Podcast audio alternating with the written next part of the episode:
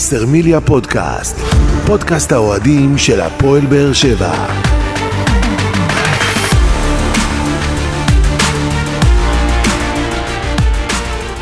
שלום לכם וברוכים הבאים לבשרמיליה פודקאסט, פרק 20 בסדרת פודקאסטים שמלווה את הפועל באר שבע לאורך העונה ותנסה להתמקד בנושאים שאתם, אוהדי הקבוצה, תעלו בפנינו בפלטפורמות השונות. ולפני שנתחיל את הפרק הזה, נאמר לאנשים שיהיו איתנו כאן אה, במהלכו, שלום יגאל ברמן, רדיו דרום. אהלן, בן, מה העניינים? הופעת בכורה, חשוב לציין, כן, אז- כן, אז אני- אני- וולקאם. אני מקווה להוכיח את עצמי אה, היום על הדשא יאללה, ולתת את ויש המאה לך על אחוז. מה, יש לך על מה, כי כן. באת למקום שזה רמה גבוהה, זה לא מה שאתה רגיל אליו כן. בדרך כלל, כמו כל היציאה, נגיד, לא חשוב שמה. ושלום לדניאל כהן, ידיעות תקשורת. שלום, שלום, אני הופעה שנייה. הופעה שנייה, אה, אז יש לו- כבר יותר ניסיון אני- ממני. זה- רק בגלל שגדעון כן, עם. צהובים. רק בגלל שגדעון הם צהובים, אתה יודע איך הוא התחנן אליי? מזל שהוא לא מורחק, אתה יודע- כי אם הוא היה מורחק זה היה בעיה לקראת אני חיפה. אספר לך סוד, נכון? אחרי שסיפרנו את הסיפור האופניים עם בן בבלומפילד בחצי גמר, אוקיי. שהוא אה, דיווש והתעייף וזה, אז בדיווש חזור, תוך כדי שהוא מתנשף, הוא אמר לי, אתה חייב לבוא לעוד תוכנית, אתה חייב, זה היה אחד הפרקים עם אופיר חיים שהיית, היה אחד הפרקים הכי מואזנים, וואי, אתה זה חייב היה לבוא אדיר, עוד פעם. כן. אז אמרתי לו, טוב, נו, יאללה, אני אבוא, אני אחלוק מכבודי. חשוב לציין אבל שלא כל יום פורים, אז אה, אתה צריך לתת תפוקה טובה. אבל פורים זה יומיים. יש יום פורים, יש יום העצמאות, אז זה קצת שונה עכשיו. טוב, אני רואה שהאווירה פה יחסית אה, נינוחה לאנשים שאוהדים קבוצה מסוימת ובסוף חוטפים 3-0 וחוזרים הביתה מנתניה, אפשר להגיד עם הזנב בין הרגליים. אני מיגאל אין לי יותר מדי ציפיות אחרי שהוא נותן כותרת שלוש ולהתראות, אתה מבין את מה הבושה? אבל אתה מה צריך? לזכור את מי אתה מייצג, ובסוף רוב העוקבים שלך גם ברדיו דרום, נכון. הם אוהדי הפועל באר שבע, אבל עדיין, זה קצת... אבל עדיין, כן. ת- תגיד, תגיד. מה? לא, תגיד מה לא, אה, אוקיי, לא, בסדר, חשבתי שאתה מדבר על אה, הסיפור של עדן מכנס. אה, זה ראיתי. רבה, תודה רבה. זה חזק, ראיתי את זה. בסטורי שלך, יפה. כן. כן, חזק. לא, נעשה- לא, תשמע, רק נספר למאזינים שצילמת אוהד של מכבי נתניה, שרשום שרשום עליו... מכנס על החולצה, וזה נראה כמו מכנס, אז אה, מכבי נתניה שנה לא, הבאה הולכים להשיק מכנסיים כן. שרשום עליהם חולצה. כן, אבל כתבת גם חולצה ומכנס, ומספר כן, חולצה 11 אחד פלוס עשית 1 אחד, פלוס כן. 1. אחד פלוס אחד, כן, יפה, יוצא לו מדי פעם איזה משהו נורמלי לדניאל כהן. לא, יש פה- יש פה, יש פה אה, קריאיטיב אה, ממש... אה, כן, אבל- חזק, אבל בוא- בוא כן. נחכה רגע לתשובה של ברמן על הכותרת ההזויה שלו. הזויה? למה הזויה? לא, כי אתה יודע, אתה יכול להיות קצת יותר עדין. למה צריך להיות עדין? לא, לא, לא צריך המשחק הזה, עדין. רגע, לא המשחק הזה של-. כן, לא, אתמול זה אה, מצריך עדינות? הקיצה שאותי פר... לא, כזה, אתה יודע, שאלה מאיזה צד אתה מסתכל. זה שלוש, ולהתראות לי למאבק זה- בסדר, בדיוק מה שזה אומר. קיבלת גם את הגיבוי של דני. אבל האמת, לא, לא, להפך, שדני אני אמרתי מגבה לך, בכותרות. קודם כל, קודם כל, אני אמרתי שברמן העתיק, כי זו הייתה הכותרת שלי אחרי החצי גמר, שאנחנו נתנו למכבי? אה, של אוקיי. שלוש, כן. ולהתראות למכבי מהגביע. כאילו, אוקיי. אז אה, בסדר, לא נורא, ברמן אה, מחמם מנועים עדיין. טוב, כבר חיממתי, כבר חיממתי, זה כבר- לעונה עבר- כבר עברנו את זה. אוקיי. טוב. סיכום משחק. אז עכשיו בואו נסכם את המשחק הזה ברצינות. הפועל באר שבע, אחרי עיבוד הנקודות מול בני סכנין והאופציה לצמצם את הפער ממכבי חיפה, הגיעה למשחק מול מכבי נתניה, כשהיא יודעת שמכבי נתניה הגיעה אחרי ניצחון אה, מעודד מבחינתם, 3-0 על מכבי חיפה, וידענו שלא יהיה משחק פשוט מול מכבי נתניה, אבל בכל זאת, אליניב ברדה חוזר להרכב שהביא את הניצחון מול מכבי תל אביב אה, בחצי גמר הגביע. על פניו ההרכב היה צריך לעשות את העבודה, אבל הרבה דברים שם לא הלכו כמו שבהפועל באר שבע כנראה ציפו, כי ראינו יותר מדי בלאגן, בעיקר במחצית הראשונה. משחק מאוד אגרסיבי של מכבי נתניה, ואפשר כבר לציין את העניין שהשופט איבד את המשחק הזה כבר מהדקות הראשונות, כי ראית איך המשחק הפך ליותר אגרסיבי, וראינו גם את הפציעות של מרטינש. אה, ו- מרטינש, גורדנה. ואחר. מכן גם אה, גורדנה. שמענו בקטנה את אה, אליניב ברדה גם מדבר על העניין של השיפוט, אבל אם, אם נסתכל על המשחק הזה מבחינת הכדורגל ונשים רגע בצד את עניין השיפוט, הפועל באר שבע לא, לא הגיעה למשחק הזה מספיק טובה ו, ומוכנה ככה. זה, זה לפי דעתי, לא ראינו משהו התקפי, יצירתי מהפועל באר שבע, אנחנו מדברים על בעיטה אחת ל- למסגרת של מכבי נתניה, זה פשוט לא מספיק. אתה רוצה להתחיל, ברמן? אין לי בעיה לתת לך את הזה. אז אני אתחיל. אז אני אתחיל. יאללה. כוותיק התוכנית. אה, תראה, אני חושב שאתמול דווקא בדקות הראשונות, אני ראיתי מהפועל באר שבע טיפה משהו אחר ממה שהתפתח, כי באר שבע ניסתה ללחוץ גבוה בהתחלה, משחק יצירתי לא ציפיתי שיהיה, כי כשיש לך שחקן כמו יוג'ין אנסה בחוד ודנילו אספריה, אתה לא מצפה פה להברקות, אה, זה, אתה יודע, פשוט בועט כדורים, אתה מדלג על החצי המאוד מאוד חזק, על, ה, על מרכז המגרש המאוד חזק של מכבי דווקא נתניה. אני לא חושב שאתה מדלג על המרכז המאוד חזק אה, של מכבי נתניה, כי? אליניב ברדה ניסה כן להביא שם, גם בחלק אבל- האמצעי של לא, המגרש, ניסה להביא יצירתיות, היה- שזה מרטיש, גורדנה, דור מיכה איתם. רגע, אז אני אומר, יותר גרזנים, אבל אתה ראית שבדקות הראשונות, באר שבע כן ניסתה ללחוץ גבוה. הפציעה של מרטין, שחשוב להגיד, הוא יצא אמנם דקה 44, אבל הוא נפצע ממש בדקות הראשונות. זאת אומרת, אפשר היה לראות אותו מהדקות הראשונות שהוא לא במיטבו, ואני חושב דקה שישית, שביעית, שכבר הייתה כניסה בו, שהוא נפצע, אפילו היה, הייתה איזושהי הרגשה שהולך להיות חילוף מאוד מאוד מהיר, הוא סחב הדקה 44, ניסה עם הגבהות אה, אה, ולקחת את הכדורים החופשיים, שאגב, הוא עושה את זה, לדעתי לא פחות טוב מרמזי ספורי, הוא כן, מגביה, כן, מגביה הוא- מעולה. ו- יש לו- וגם הבעיטות שלו לא רעות, פשוט עדיין לא גם מצליח תוך כדי. משחק הוא הוא- מחלק הוא- כדורים. נראה- כל לי- הוא- נראה לי הוא שהוא נכנס שיפור. לעניינים. הגול הגול נגד מכבי נתניה ב-4-1 הכניס אותו לעניינים אה, מאוד. ולדעתי המשחק פשוט עם הפציעה שלו, אה, והעניין הזה שמכבי נתניה נוטה לעשות את זה, שהיא נוטה מאוד להרדים את המשחק במחצית הראשונה, ובמחצית השנייה לצאת קדימה, זה גם מה שהם עשו עם מכבי חיפה. זה בעצם מה שגמר לבאר שבע את המשחק בסוף. זאת אומרת, איך שהמשחק התפתח, והתוכנית המשחק של מכבי נתניה שעבדה, זה פשוט מה ש... גם חשוב להגיד ש, שבניגוד למשחק מול מכבי תל אביב, ודיברנו על זה, יגאל, אתה זוכר בכל היציאה, שבמכבי תל אביב בחצי הגמר ניסו להכניס את הפועל באר שבע לכל מיני פרובוקציות קטנות, והשחקנים של הפועל באר שבע גם אתמול, גם, גם ידעו, במשחק, ידעו להתעלם, גם אבל... אתמול, לא, גם גם אתמול ניסו אתמול ידעו לעשות את להתעלם, זה. פשוט אתמול המשחק של מכבי נתניה על סף- היה על סף הברוטלי. הוא היה אלים היו מאוד. שם, היו שם תשמע, לפעמים מצבים שאתה לא מצליח אני אגיד להבין לך מה. איך השחקנים, נכון שעדן קרצב הוא שחקן אה, מאוד אה, אה, אגרסיבי. אגרסיבי. בסדר. ושי קונסטנטין ושחקנים כאלה, אבל המקרה הזה של שי קונסטנטין הולך עם הרגל קדימה על אלדר לופז, זה משהו שהוא לא... אני- אבל זה הצליח להגיד לך- להוציא את השחקנים מאיזון, כי ב- כי מול. מכבי תל אביב לא יצאנו מאיזון. אני- ובמקרה הזה זה כן השפיע גם על היכולת של הקבוצה. אז דיברתם על העניין שהייתי במשחק, ואני ישבתי ביציע העיתונאים, שנמצא, במחצית הראשונה אלדר לופז שיחק אה, מתחתנו. עכשיו, לא פעם ולא פעמיים אתה ראית את זה שברגע שעושים לכיוונו איזשהו גליץ', אז התנועה טיפה ממשיכה, יש איזושהי דחיפה כזאת קטנה שהם מוסיפים לו, כי, הם יודעים ש, ש, שלופז יכול לצאת מאיזון. עכשיו, אני ציפיתי, ולצערי אתמול עשיתי טעות ולא נשארתי למסיבת העיתונאים של בן עילם, אני ציפיתי שבן עילם אתמול יגנה את הקהל של מכבי נתניה להתנהגות שלו.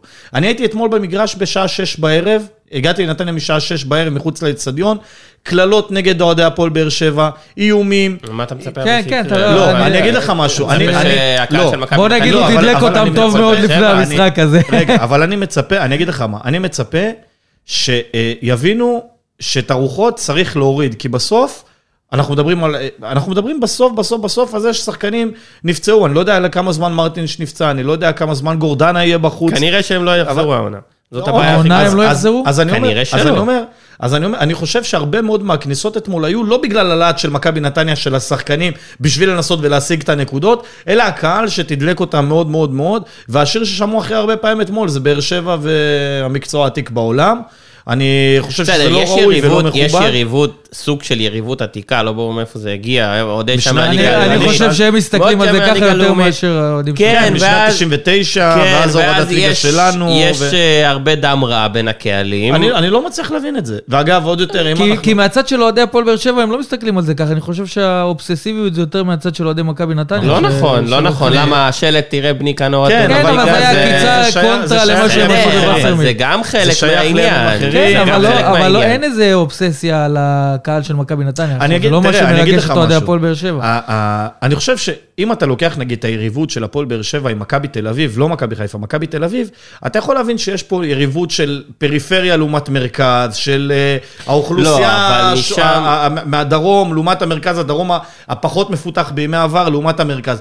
פה זאת... זאת יריבות ש... ש... שאני לא מבין על מה, על לא, מה אבל היריבות הזו. זה, אין, זה, אין, זה הם נוצר מייצרים את היריבות. זה נוצר אז עוד מהליגה הלאומית, וזה נוצר בגלל ששני שני הקהלים לא באמת, יגאל. יש להם יריבה מסוימת, אין להם דרבי, מול קבוצה אה, לא, מאותה אבל- עיר, אין להם איזושהי שבע- אבל יריבות. לבאר שבע כן יש את העניין הזה מול מכבי תל אביב. זה רק בשנים האחרונות, לפני לא, זה לא הייתה חושב- בכלל פקטור מול מכבי. לא, אבל אני מדבר איתך מבחינת, עוד פעם, האידיאולוגיה של שני המקומות, של מרכז, של האליטה של המרכז, לעומת ה...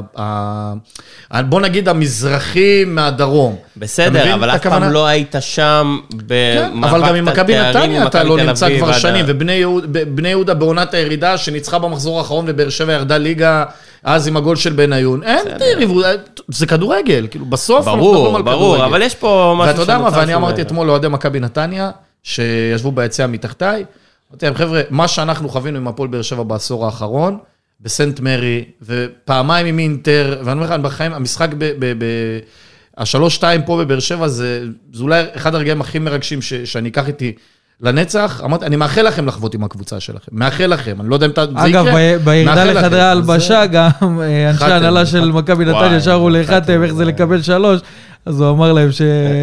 תזכרו, אה, זה בדיוק הגולים שכתבתם. זה הספיק כדי להוריד אתכם ליגה. כן, בירידת ליגה.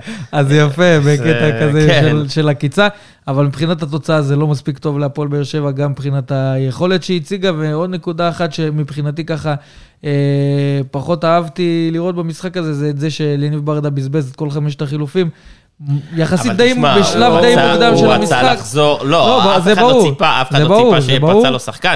הוא אבל- רצה, הוא שלח את כל הכלים ההתקפיים שלו, הוא שלח את אני חושב רמזי, הוא שלח שדווקא את מבחינת רוקאביצה. החילופים הוא עשה, הוא היה בסדר. הוא ניסה, אבל הוא החילוף ניסה, של לא היה- אה, מרטין ש- די תקע אותו עם חילוף נוסף בסוף. לא הייתה כן, לו גם- אפשרות. גם יצא וגורדנה שחקן מאוד שהתחיל לשחק, משמעותי. והוא חזר אחרי הפציעה, כן, ומשך לא- 2-3 לא הצליח. דקות ויצא החוצה, אין מה כן. לעשות. זה- אז בסוף סיימנו את המשחק הזה בתשעה שחקנים, כי גם גורדנה שנפצע ולא היה חילוף, ומיגל. וגל מיגל ויטור עם אדום, שמבחינתי הזוי. אני לא יודע איך אנשים ראו שיש פה איזה אדום מוצדק, אני לא חושב שהיה פה אפילו לא, עשרה אתה אחוזים רואה- ללכת לא, על אדום אבל רגע, מוצדק. רגע, רגע, שנייה, אז פה, יש פה... זה לא אדום, דעה יגאל. נוספת. זה לא בדיוק נכון. זה לא אדום. זה לא בדיוק בוא- נכון. בוא- בוא נשמע כי- מה- כי היה שם, ב- מיגל, בתנועה שלו שהוא קם, הוא יכול היה לקחת את הרגל שלו מסביב לגב של יכול, לא יכול. קרצב. בפועל אני לא ראיתי פה משהו אגרסיבי, זה. באמת. לא. גיא, זה לא היה- גויגון זה היה, לא? לא, לדעתי זה היה קרצב. לא, אוקיי, לא לא משנה. יודע, לא משנה, אבל הוא היה יכול איכשהו לנסות להימנע מזה, זה היה בוא העניין נגיד של ככה, הצבים. שיכול להיות שאם השופט לא היה רואה את זה, ולא היה מסתכל לשם באותו רגע, אולי הם היו מחליקים את זה, אני וגם בVAR לא היו קוראים אני הייתי. בטוח שבVAR היו פוסלים את האדום הזה.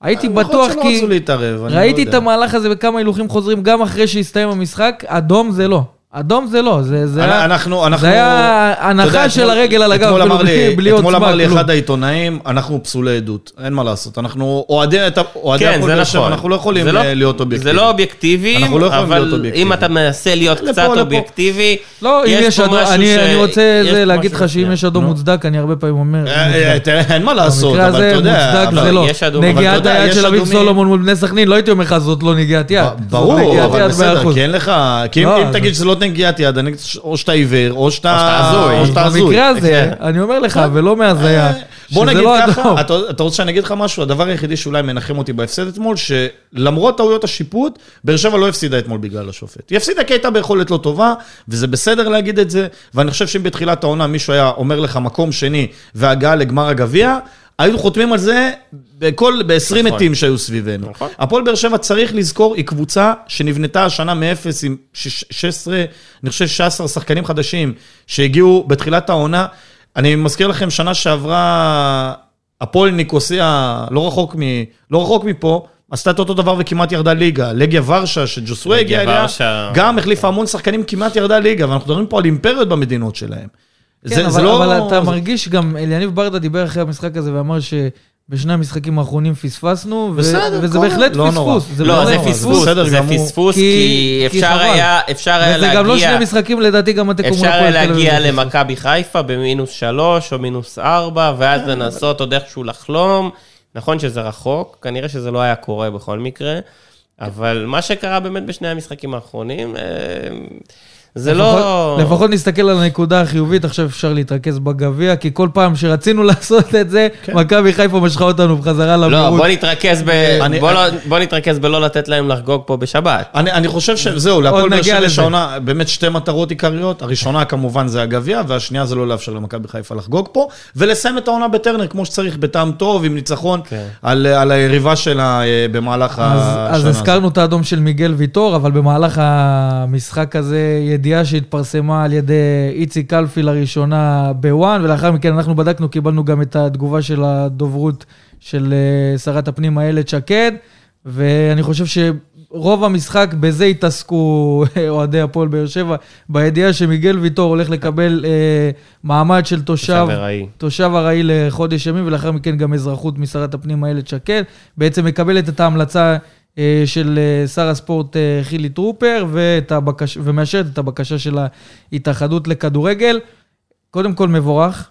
מיגל ויטור, גם. גם ראינו את, ה, את חד הנימוקים. משמעית. ראינו גם את הנימוקים של איילת שקד, שגם כתבה שם שלאשתו, כדרך אגב, היא היא כתבה... הוסיפה את זה, היא היא הוסיפה את הוסיפה זה ש- בנימוקים. שאשתו הפכה ל- לסוג אה, של שגרירה אה, עבור מדינת ישראל, ב- וגם היא נבחרה ברדיו דרום, נכון? ל- נכון, לאחת מאנשי השנה, ב- אה, במשדר אנשי השנה שהיה לנו בראש השנה, על התרומה שלה להסברה הישראלית. אז אין והיא ספק עשתה ש- את זה בצורה באמת מעוררת כבוד. אין ספק שכל לה המשפחה. כמכלול, משפחת ויטור, היא משפחה, אפשר להגיד, ישראלית. ל- לכל דבר. הבנות שלו דוברות עברית. לגמרי. וראינו גם את הסרטונים של הבנות שלו יושבות עם האוהדים של הפועל באר שבע ומעודדים כמו האוהדים הראשונים של אני, הקבוצה. תראה, אני אגיד לך מה, אני חושב, רגע, רוצה להגיד עוד משהו? לא? סע. קודם כל, אני חושב שזה צעד מבורך. אה, אנחנו לא ניכנס רגע לפוליטיקה ומה אנחנו חושבים על אה, שרי ממשלת ישראל, אבל אני חושב שהצעד הזה מבורך. זה שהפועל באר שבע הרוויחה מהעניין הזה, זה... אוקיי, יכול להיות שהקבוצות האחרות מרגישות עם זה לא נעים, כי זה כבר עונה שנייה קורה שבאר שבע מביאה שחקן זר ומקבלת אותו על תקן. לא, אבל זה לא- רגע, זה רגע, לא רגע, דומה, רגע, זה לא זה דומה. מריאנו בררו, יש לו שורשים שנייה. יהודיים. נכון, נכון, נכון. הוא נכון. מתוקף חוק השבות. לא, אבל אני אומר שבסוף, כאילו, כשאתה מסתכל על זה ששחקן הגיע לפה כלא ישראלי, הרי הסיפור עם בררו זה לא משהו שידעו מההתחלה ואמרו מתישהו נאזרח אותו. נכון, כי זה התגלה עלה במקרה. בדרך. נכון, נכון, זה עלה זה בדרך. בסדר גמור. וזה בסדר גמור. וכשאתה מסתכל על מיגל ויטור, אתה יודע שהוא תופס לך תמיד, אז, אז כאילו הפועל באר שבע עם השישה זרים שאתה יכול להביא, ברגע שמיגל ויטור ממשיך, יש, אה, באר שבע אוטומטית יכולה להביא רק חמישה זרים. עכשיו, ברגע שאתה מאפשר לוויטור להיות ישראלי, זה אומר שאתה יכול להתחזק בעוד שחקן זר. נכון. עכשיו, זה, זה, עכשיו, אני זה לא אוהב את הכיוון. שאתה חותר אגב, אליו, לא, לא, לא, שכאילו עשו טובה להפועל באר שבע. לא, לא, לא, לא, זה יצא שאמרתי. יפה, נכון, זה יצא יפה. יש כאילו להפועל באר שבע שלושה שחקנים שהם לא צברים, שהם אזרחים, גם רוקאביצה, גם אה, אה. ויטור וגם אה, בררו. בדיוק. עכשיו, ושלושה שחקנים משמעותיים. נכון, עכשיו, אני אומר שבסוף, זו הטענה, אני לא אומר מסכים, לא מסכים, כמובן לא מסכים עם זה, אבל צריך, צריך באמת להסביר, והיום הבנו את זה, אחרי ש... אני יכול, שאני באופן אישי פניתי לכל הדוברויות ושאלתי, ואתמול אה, דיברתי עם אה, מישהו מאוד מאוד מקורב אה, למשפחת ברקת, שאמרו, חברים, אנחנו ידענו שהנושא הזה יעשה רעש. אנחנו ידענו שאם הפועל באר שבע תפנה, ישר יקשרו את זה לה- לה- לה- להיכרות בין אלונה אוקיי, ומה רע. בזה? לא, אבל אני אומר, בזה? רגע, אבל אני אומר, קודם כי כל זה- פדרו לא קרה. קודם כל זה לא קרה. קודם כל, זה שפדרו גל- גלוון גלוון לא קיבל אזרחות, זה היה בימי לא אריה אומר- דרעי, לא זה משהו משנה, אחר, אבל זה שפדרו גלוון לא קיבל אזרחות, זה כן. לא אומר שמיגל ויטור לא צריך לקבל אזרחות, לא, זה לא, לא לא, קשור אחד נכון, לשני. נכון, אבל פדרו אני אומר- גלוון אני אבל לא- מסכים, שגם לא מגיע. בוא נגיד אבל- ככה, בוא נגיד ככה שבסוף, בסוף הדברים, לא רצו שיקשרו את העניין הזה של ה- ה- ה- קבלת אזרחות של מיגל ויטור. לאלונה. אלונה ברקת הרימה טלפון לאיילת שקד. שזה- רגע, בוא נלך לקיצוני, אוקיי. בסדר? אלונה ברקת הרימה טלפון לאיילת שקד, אמרה לה, איילת, מה נשמע? זאת אלונה, כן. וזה לזכר זה. אה, בואי תעזרי לנו, תעשי טובה, מיגל בהחלט... מה, לא מגיע למיגל ויטור לקבל אזרחות? אבל- אז אבל אם היא הרימה אם זה- לטלפון, סליחה, לא, מה אבל- קרה? אבל תראה, אם, אם אלונה הייתה עושה דבר כזה, אז אתה יכול לבוא ולהגיד, אוקיי, אז, אז בוא נאזרח, מכבי חיפה יאזרחו את uh, שרי למשל. אבל שרי לא מיגל ויטור. אבל לא שרי לא משנה, תרם לא. למדינת ישראל, אבל אני אומר, אבל, ויטור אבל, תרמה. אבל יגאל, מה שאתה אומר ש, שתרמו, בסוף זה אנחנו, כאוהדי הפועל באר שבע, רואים כלפי חוץ. לא, לא, זה לא, משהו זה לא, זה לא זה לא הסתכם נכון. רק בהפועל באר זה שבע, לא כי אני נכון, חושב בכל שאשתו מה עשתה, שטניה כן. ויטור עשתה, השרים ב- במדינת ישראל לא עשו. נכון? ההסברה בשומר חומות, ב- הישראלית במבצע שומר לא חומות, אני חושב שזה עשתה. אחד נכון. הפוסטים הכי חזקים באוהדי הפועל באר שבע אי נכון. פעם. ה- הציטוט נכון. שאני העליתי של אה, נכון. טניה באמצע הלילה ב- ב- ב- באזעקות, שהיא אומרת שצריך לראות, אחד אחד הפוסטים, תבדוק אותי, הכי חזקים שעלו באוהדי הפועל באר שבע, העמוד לא שלכם. רק באוהדי הפועל באר שבע, גם... בכלל, בליגת היא עושה הסברה יוצאת דופן גם כן. בפיגועים האחרונים שהיו. היא- נכון. היא- היא לגמרי חלק מהמסע עזוב, של מדינת ישראל. בסופו של דבר, בסופו של דבר, הסיפור עצמו מקורב מאוד למשפחת ברקת. אומר לי, אנחנו לא הגשנו כי ידענו שיעשה רעש ויעשה רעשי רקע, לא רצינו להיות מעורבים בסיפור הזה.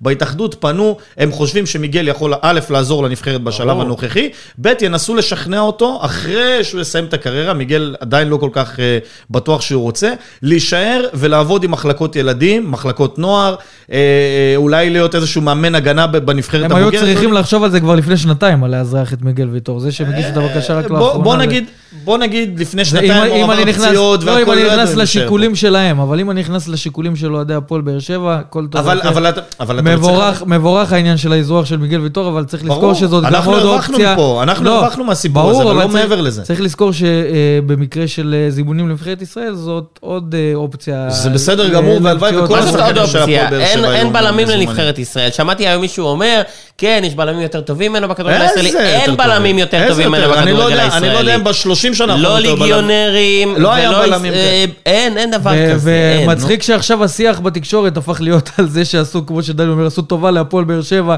ויש כאלה שמדברים שאולי מיגל ויטור לא אגב, אני מזכיר לכם, אני מזכיר לכם כל אחד נוגע בנקודה האלה. נכון, בדיוק, בדיוק. רוברטו קולאוטי בזמנו. אז מכבי תל אביב כדורסל, שנים על גבי שנים עושים את זה. שנים על גבי שנים. טיילור דורסי היה אה, אזרח אתה ישראלי, או כל אומר- מיני אומר דברים הזויים. מישהו, מאנשי הכדורסל בישראל אמר לפני כמה זמן, זה לא בעיה, אבל משרד הפנים, מכבי רוצים, מוצאים איזה סבתא יהודייה שלא קשורה נכון. בשום דרך וצורה, ומחליטים שהיא סבתא שלו, וככה מאזרחים אה, שחקנים, כי בכדורסל יש את החוק הרוסי, של שניים ישראלים שצריכים להיות על הפרקט, אז אז זה לא חדש, הסיפור הזה. אגב, גם במכבי חיפה צריכים להיות מרוצים מהאזרוח הזה של מיגל ויטור. למה? כי ברגע שמיגל ויטור יתאזרח, אז פלניץ' אוטומטית, הבלם הזר. הזר הטוב בישראל. אני גם לא חושב שהוא. הבלם הזה. אני גם לא. לא חושב. לדעתי הבלם הבולגרי של נתניה הוא לא פחות טוב ממנו. כן? הבלם הבולגרי של... אה, גלבוב? כן. לא, לא פחות טוב נגד. נגדנו. לא ראינו אותו לא ראינו אותו מספיק. אני לא חושב, אני חושב. שיש כמה בלמים מאוד מאוד טובים בליגת העל, אבל אתה יודע. אם אני מסתכל על זה, אני חושב ש... וזה ייאמר לזכות הפועל באר שבע ומיג- ומיגל ויטור, הבינו שברגע שאתה מביא בלם זר ברמה גבוהה, שגם יודע להוציא קדימה התקפה ולהניע את המשחק מהגנה כמו פליימייקר, זה הופך את הקבוצה שלך להרבה יותר התקפית והרבה יותר טובה, ואנחנו רואים שמאז מיגל ויטור, כל מיני קבוצות עושות, מביאות את ה... יוצאות עם המגמה הזו קדימה, אם זה סבורית שהפך להיות בלם במכבי תל אביב, וחברנו דוד זאדה הפך להיות מגן שמאלי, אם זה פלניץ' בחיפה, אם זה בחדרה את אה, טורי הגבוה, יש כמה שחקנים, כאילו, העניין הזה של להביא בלם שיודע לא, להניע כדור, זה משהו הכדורגל- ש... זה הכדורגל המודרני. נכון, נכון, נכון, אבל בארץ אני חושב שמיגל היה... לא, שיר צדק גם עשה את זה עם מיגל בזמנו. שיר אבל צדק שיר היינו לא רואים אותו... לא מניע כדור. אה, לא, אבל, לא אבל היינו רואים אותו לא משחק לפעמים ברמות האלה. 40 מטר מהשאר של היריבה. זה קרה בעונות, אה, בעונות האליפות. מה אתם חושבים על שיר צדק של אתמול? וואי. הוא היה צריך לקבל אדום כבר בשלב מאוד מוקדם. של דקה המשחק 30 לפי דעתי. מצחיק. האמת שעצוב עצוב לראות מה כן. מה שקורה עם שיר צדק, מה שקרה עם שיר משחק צדק. נוראי אתמול, ואגב, אם אנחנו חוזרים לנתח את המשחק עם נתניה, אני חושב שהפועל באר שבע עשתה טעות חמורה מאוד וקשה מאוד, שלא שיחקו על שיר צדק. אני, לא, אני חושב שהם לא זיהו את זה מהספסל, ששיר מאוד מאוד מאוד חלש, והם כל הזמן ניסו ללכת לאנסה על כנף שמאל, שניסה לשחק על, ה, על המגן הימני שלהם, במקום לשחק על שיר צדק וללחוץ אותו ו, וללכת מהאגף שלו, אבל אין לך לא חלוץ, בשביל זה אתה צריך... אז לשחק אתה מחליף. מקומות עם אנסה, אז מחליף מקומות, את אספריה לשמאל. אספריה לא הצליח להתמודד אתמול עם הזה, אספריה חלש מאוד אתמול, אחת ההופעות הכי חלשות של דנילו בבאר שבע. אני חושב שאם אליניב היה מזהה את זה, הוא יכל להפיק הרבה יותר משתיהם, משניהם, אבל... אה, טוב, אם היה, נס- נגמר אם-. אם נסכם את היכולת המקצועית של הפועל באר שבע במשחק הזה, אז אה, לפחות מבחינתי קורה שיש לך את היום, ה- אתה מכיר את זה, היום הכי חלש כן. שלך בעבודה, שכלום לא הולך, אתה מנסה לעשות... אין ימים חלשים. אתה מנסה לעשות את. הדברים בצורה הכי טובה, אבל שום דבר לא הולך והכל אה, מתחרבש לך ככה, כן. ככל שהיום מתקדם ו- ואתה מקבל עוד דבר פחות טוב ועוד דבר פחות טוב.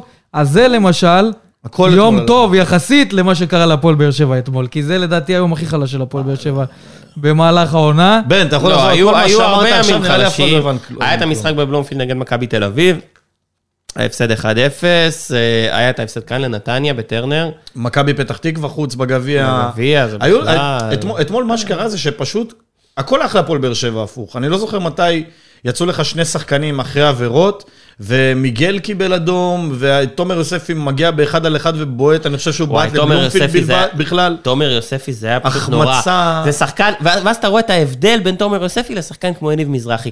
תומר יוספי בא, נותן כדור שמאלה, זה אחת-אחת. אה, מי זה היה שם? אנסה נראה לי. אחד מה- לא משנה, אחד אה, מהחלוצים. לידו, אחד אחד מרמנטיני מהחלוצים. שהחליט, זה להפקיע מחצי מגרש, ואתה רואה את. רמזי ורוקאביצה מרימים ידיים, רוקאביצה אתמול בכלל, לדעתי לא נגע בכדור אתמול, מאז שנכנס. כן, הוא כל- כבר כל נקנה- ה- הוא כל כבר נכנס השחקנים בגרבג' ההתקפים של הפועל באר שבע אה, אתמול לא היו במשחק, גם דור מיכה כן. לא לא עשה איזה כן, משהו לא. יוצא דופן.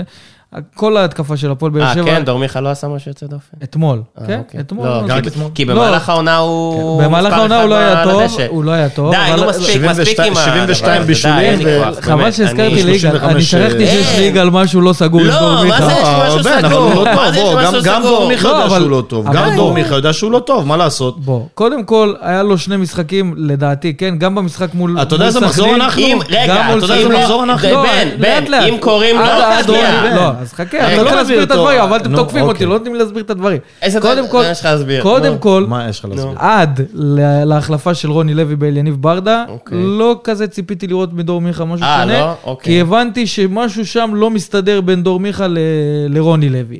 הגיע אליניב ברדה, פה כן ציפיתי שאתה יודע, הוא יקבל את הצ'אנסים, חיבור עם אליניב ברדה אולי אחרת ונראה איזה משהו שונה. לפי דעתי, כן, ככל שחלף הזמן ראיתי יותר ביטחון שהוא צובר. גם במשחק מול מכבי תל אביב בחצי גמר הגביע לדעתי היה טוב, גם במשחק מול בני סכנין, כש- אוקיי. אה, גם אם לא כבש את הגול, נכנס כמחליף, אם לא קוראים לו דור. מיכה, אם קוראים לו... אז לא, אז אה, אני רוצה רק להגיד לך, שמבחינת צבירת הביטחון, וזה שהוא רוצה להיות. חלק, וזה שהוא בא מבקש אוקיי. כדורים ועושה את הדברים, אז ראיתי, ראיתי איזה התקדמות ב- אם לא קוראים במשחקים לו, אם. לא קוראים לו דור מיכה, אה. אם זה שחקן מפורטוגל שהגיע בתחילת העונה, נו. ציפו ממנו להרים וגבעות וזה, לא יודע, קוראים קח לו... את ג'יננסה, מה מה צריך ללכת רחוק? אתה יודע פתח את העונה? פה טוב, ההבדל? פתח את העונה טוב באירופה. אתה יודע מה לא. ההבדל? מה? שדור מיכה, אתה יודע בדיוק מה הוא שווה, כי הוא עשה כמה דברים סבבה, ראויים אבל הוא לא בליגה, בוא מוכיח נקרא את לזה זה, ככה. אבל הוא לא איפה זה? מוכיח את זה. אבל אוקיי. שיש דברים שאתה גם יכול להרוויח ממנו, והעונה הזאת, עם כל מה שקרה, כל השתלשלות האירועים, והפועל באר שבע, ואתה יודע שהוא גם עבר משהו שמבחינתו, כל הפרשה וכל הדברים האלה, זה משהו, סבבה, יש לך לחו"ל אופציה- יש לך אופציה בקיץ להחזיר את ג'וס, יש לך אני אופציה חושב- בקיץ אני להחזיר את חושב ג'וס, שבעונה הבאה אנחנו ולוותר גם על דור נרוויח את דור מיכה. לוותר על דור מיכה ולהחזיר את ג'וס בקיץ, אתה הולך על זה אני או לא? לא, אני לא בטוח שזה יקרה, העניין הזה. לא, לא, אני אומר, אם יש לך אופציה, בתיאוריה. נדבר באם, אני מבחינתי משאיר את דור איי, מיכה. נו, די, זה אני משאיר. גם אם ז'וסווה מגיע, אני משאיר את אה, דור מיכה אה, בעונה הבאה, כי אני חושב שאנחנו נרוויח אותו. יפרח, ואז הוא כן. בטוח יפרח, כי יש לו צל כזה של ז'וס עליו, אני בטוח. הייתי, הייתי משאיר אותו בכל מקרה בהפועל באר שבע. טוב, אז בואו נתקדם הלאה. גם uh, עוד אירוע שקרה לפני המשחק הזה, זה לא מעט מהאוהדים של הפועל באר שבע שהגיעו uh, לרכוש כרטיסים ב, בקופות האיצטדיון לפני המשחק, uh, גילו שלמעשה נגמרו הכרטיסים של הפועל באר שבע, נגמרה ההקצאה. Uh, משהו כמו חצי שעה, 40 דקות לפני תחילת המשחק, 100-120 אוהדים uh, מחכים בקופות כשאין כרטיסים נוספים. בהנהלת המועדון מגלים את זה, פונים להנהלת נתניה שמסכימה uh, להביא כרטיסים נוספים. אה, כפוף לאישור המשטרה. כמובן, במשטרה אישרו רק כ-120 כרטיסים לאותם אוהדים שחיכו בקופות, אוהדים שהגיעו לאחר מכן, כשהקופות כבר אה, נסגרו, אה, לא היה אופציה להכניס אותם, כי במשטרה לא נתנו לזה אישור, כנראה בעקבות ה... העומס שהיה ביציאה לדעתם וחיסרון במאבטחים, אז הם לא רצו לפתוח את היציע העליון, ובסוף השאירו כ-40 עד 50 אוהדים מחוץ למשחק. אבל זה, זה סבבה, אפשר לקבל את זה בהבנה. אה, לא, ש- לא, העניין ש- שפשוט אין הפרדה, זאת אומרת שאם באר שבע, לא לא הייתה חציצה למעלה, זאת אומרת שאם באר שבע היו רוצים לריב עם נתניה, היו פשוט עוברים וזורקים דברים מלמעלה, בגלל זה לא לא פתחו את ה... אוקיי, הסיפור, נגיד, הסיפור, הסבר, כן, הסיפור שאני שאתה- כן רוצה לכוון אליו זה סיפור יותר חמור שלא זכה לכותרות אה, ב- באתרי התקשורת השונים, וזה משהו שאותי הטריף, כי מדובר אולי באחד הסיפורים הכי הזויים שקרו בכדורגל הישראלי, וזה שאותם 40 עד 50 אוהדים שחיכו אה, מחוץ לאיצטדיון וניסו להיכנס אה, לאיצטדיון, נתקלו בספסרים, ו- אה, סליחה, וסדרנים, שלקחו מהם כסף, כ-100 עד 150 שקלים, לכאורה, לכאורה. לכאורה, לכאורה. לכאורה לקחו מהם כסף כ-100 עד 150 שקלים, במטרה להכניס אותם למשחק, וזה נעשה מכניסה צדדית, או תשמע, איזה זה אחד משהו הסיפורים הכי הזויים ש- ששמעתי. שלא. הבנתי איך זה קרה, אבל בואו נשמע את הסיפור הזה ממקור ראשון. האוהד אמיר ש... שנחשף לדבר הזה, ויהיה מעניין לשמוע מה הוא אומר. אהלן, אמיר, ערב טוב. ערב טוב, מה קורה? בסדר גמור, תשתף אותנו ככה במה שקרה שם באותם רגעים מחוץ לאצטדיון. אה, את האמת, אני ואבא שלי היינו הולכים עבודה, היינו בדרך למשחק, לאצטדיון, ובדרך קיבלנו כבר הודעות שנגמרו לנו כרטיסים. כשקרבנו כבר למשחק, אז אה, הודיעו לנו שנפתח לנו הקצאה של 120 כרטיסים, עד שהגענו לקופות כבר הכרטיסים נחטפו כולם. וכשהגענו לשם אמרו שם אוהדים שלא הצליחו לקנות כרטיסים, גם כאלה שהיו בתור שנפתחה הקצאה נוספת ולא הצליחו לקנות. אה, לאחר מכן דיברנו עם השוטרים שם, שנסו לראות איך מסתדרים לנו שם כניסה או משהו.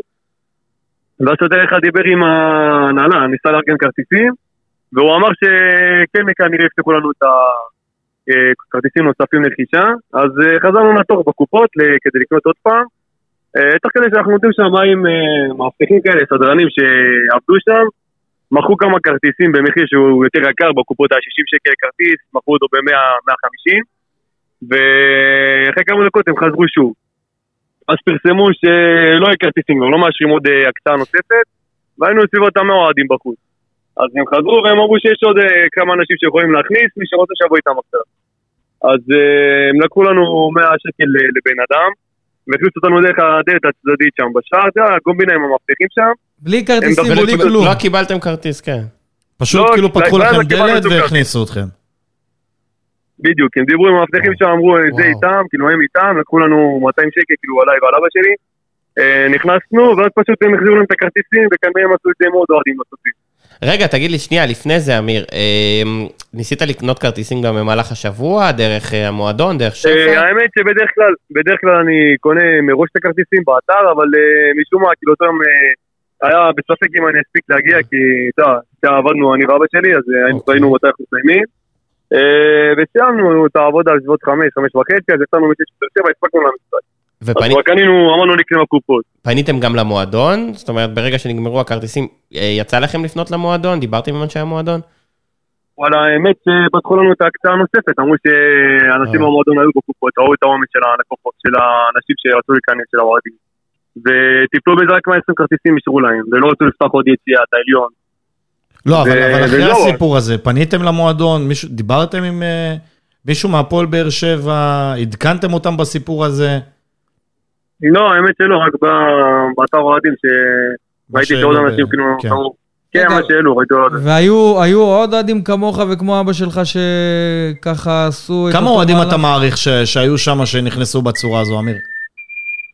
בצורה הזאת נכנסו לפניי, ואחריה, אני לא יודע כמה כמה, כמה? לא, נכנסו לפניי אנשים בצורה הזאת. אז אני שואל, ממש הערכה בסביבות ה- שלך. הערכה בסביבות ה-30 איש בערך.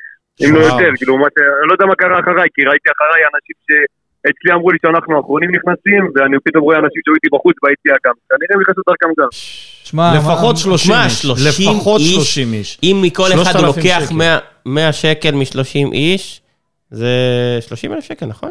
לא, יגאל, אתה לא... ברמה. או ש... אתה לא חזק אתה? במספרים. לא? לא, אבל לא משנה. אני רוצה את הקטע הזה. כל- אני רוצה כן, את הקטע אנחנו הזה ניקח.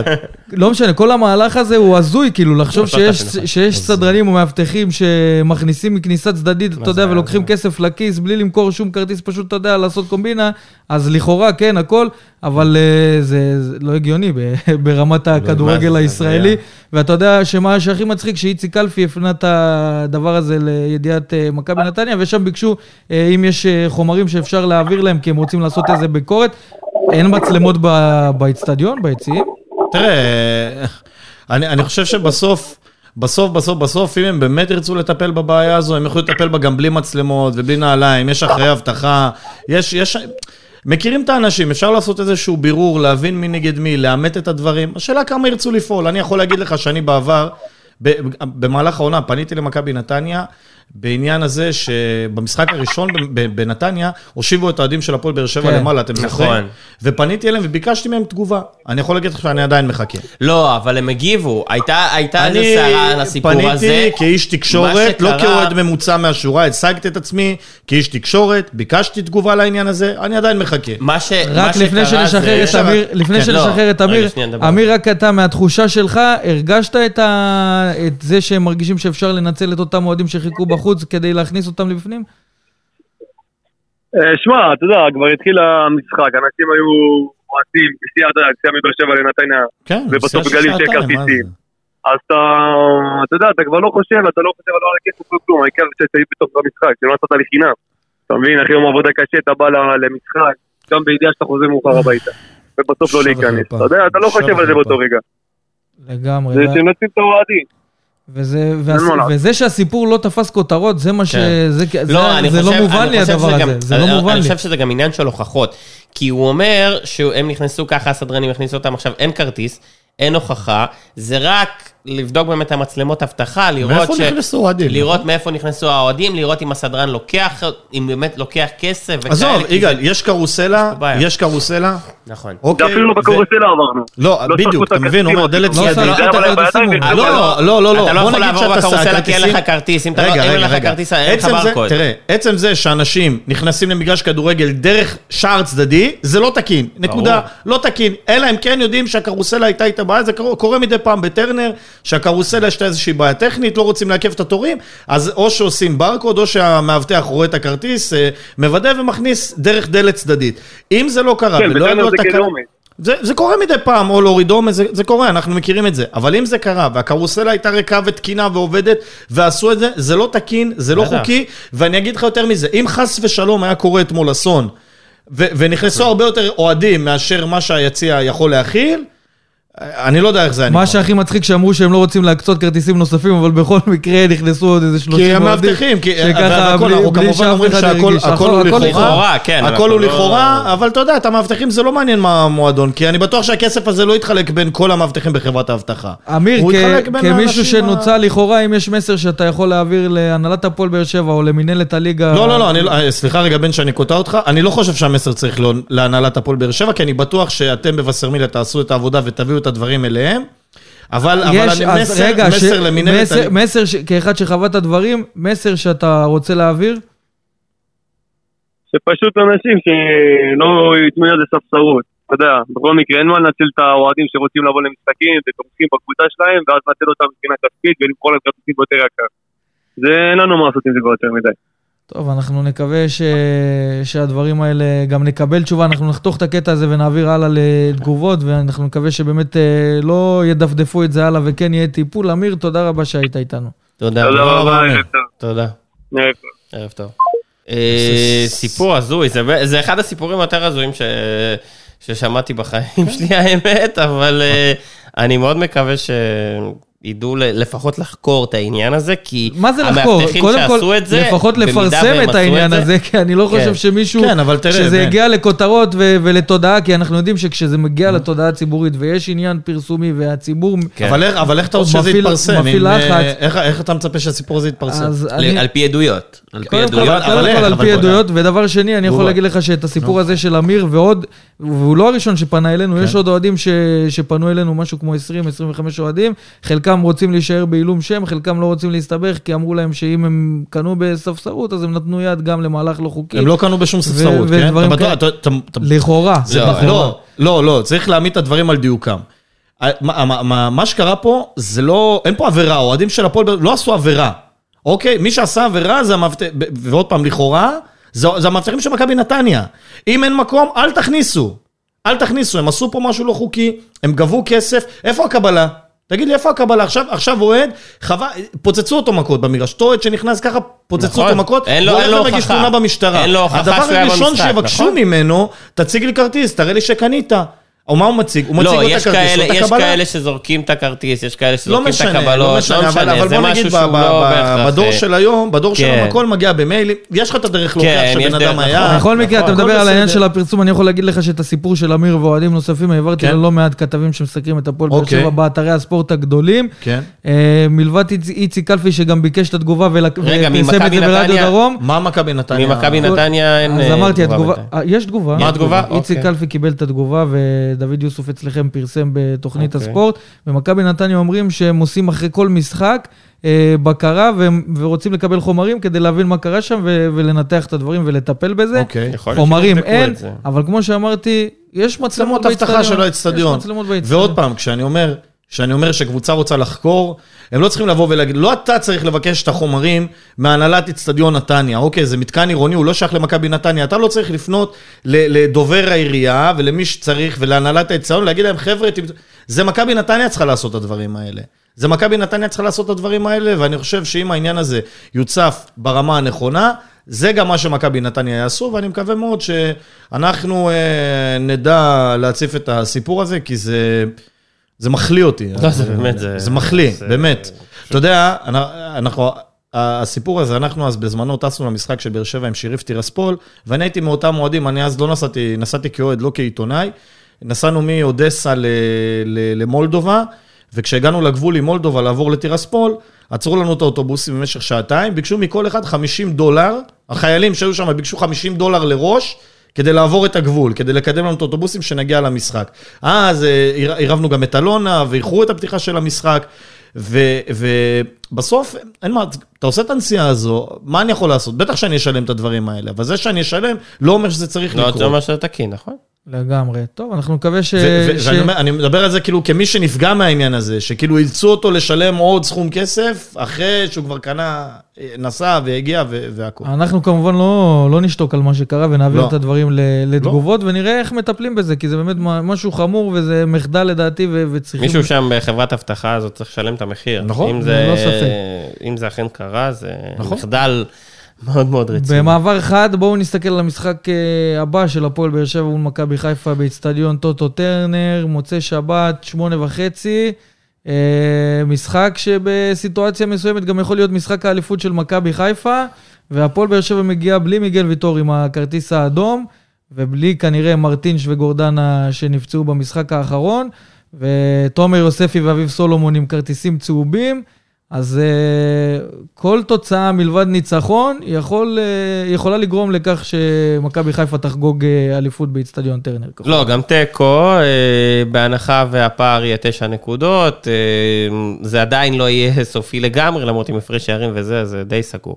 לא משנה, אבל באמת המראות האלה של קבוצה חוגגת אה, אליפות במגרש הביתי שלך, זה משהו שאתה לא רוצה לראות.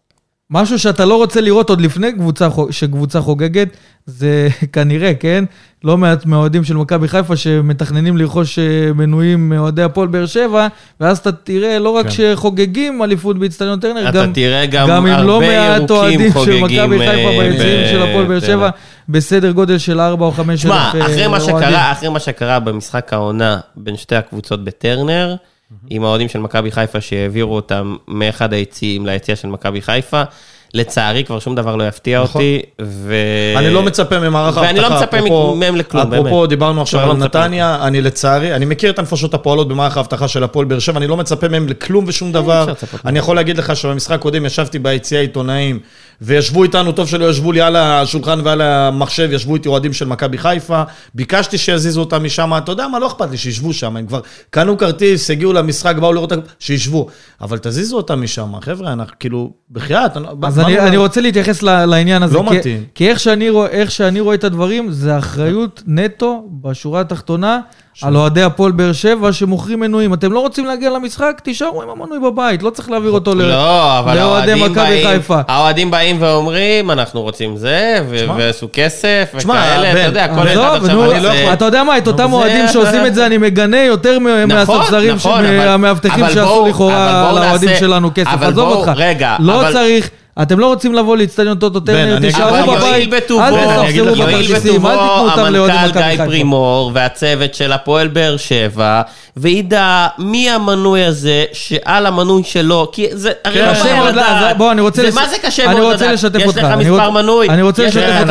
אבל- אתה זוכר- מה קרה. במשחק הקודם, שידעו רגע, שזה מה שנייה, שהולך שנייה לקרות? אחת, אני חייב, שנייה, ברשותך בן, יגאל, אם מערך האבטחה לא יתערב, זה צריך להיות שיתוף פעולה פה, בין זה, הרי, הרי שמגיע אוהד מכבי, הוא לא מגיע עם חולצה ירוקה ומנוי של הפועל אז באר אתה שבע רוצה ונכנס. שאני אעשה לך סדר בדברים, שככה יסתדר אני רק? אגיד- אני אגיד משפט.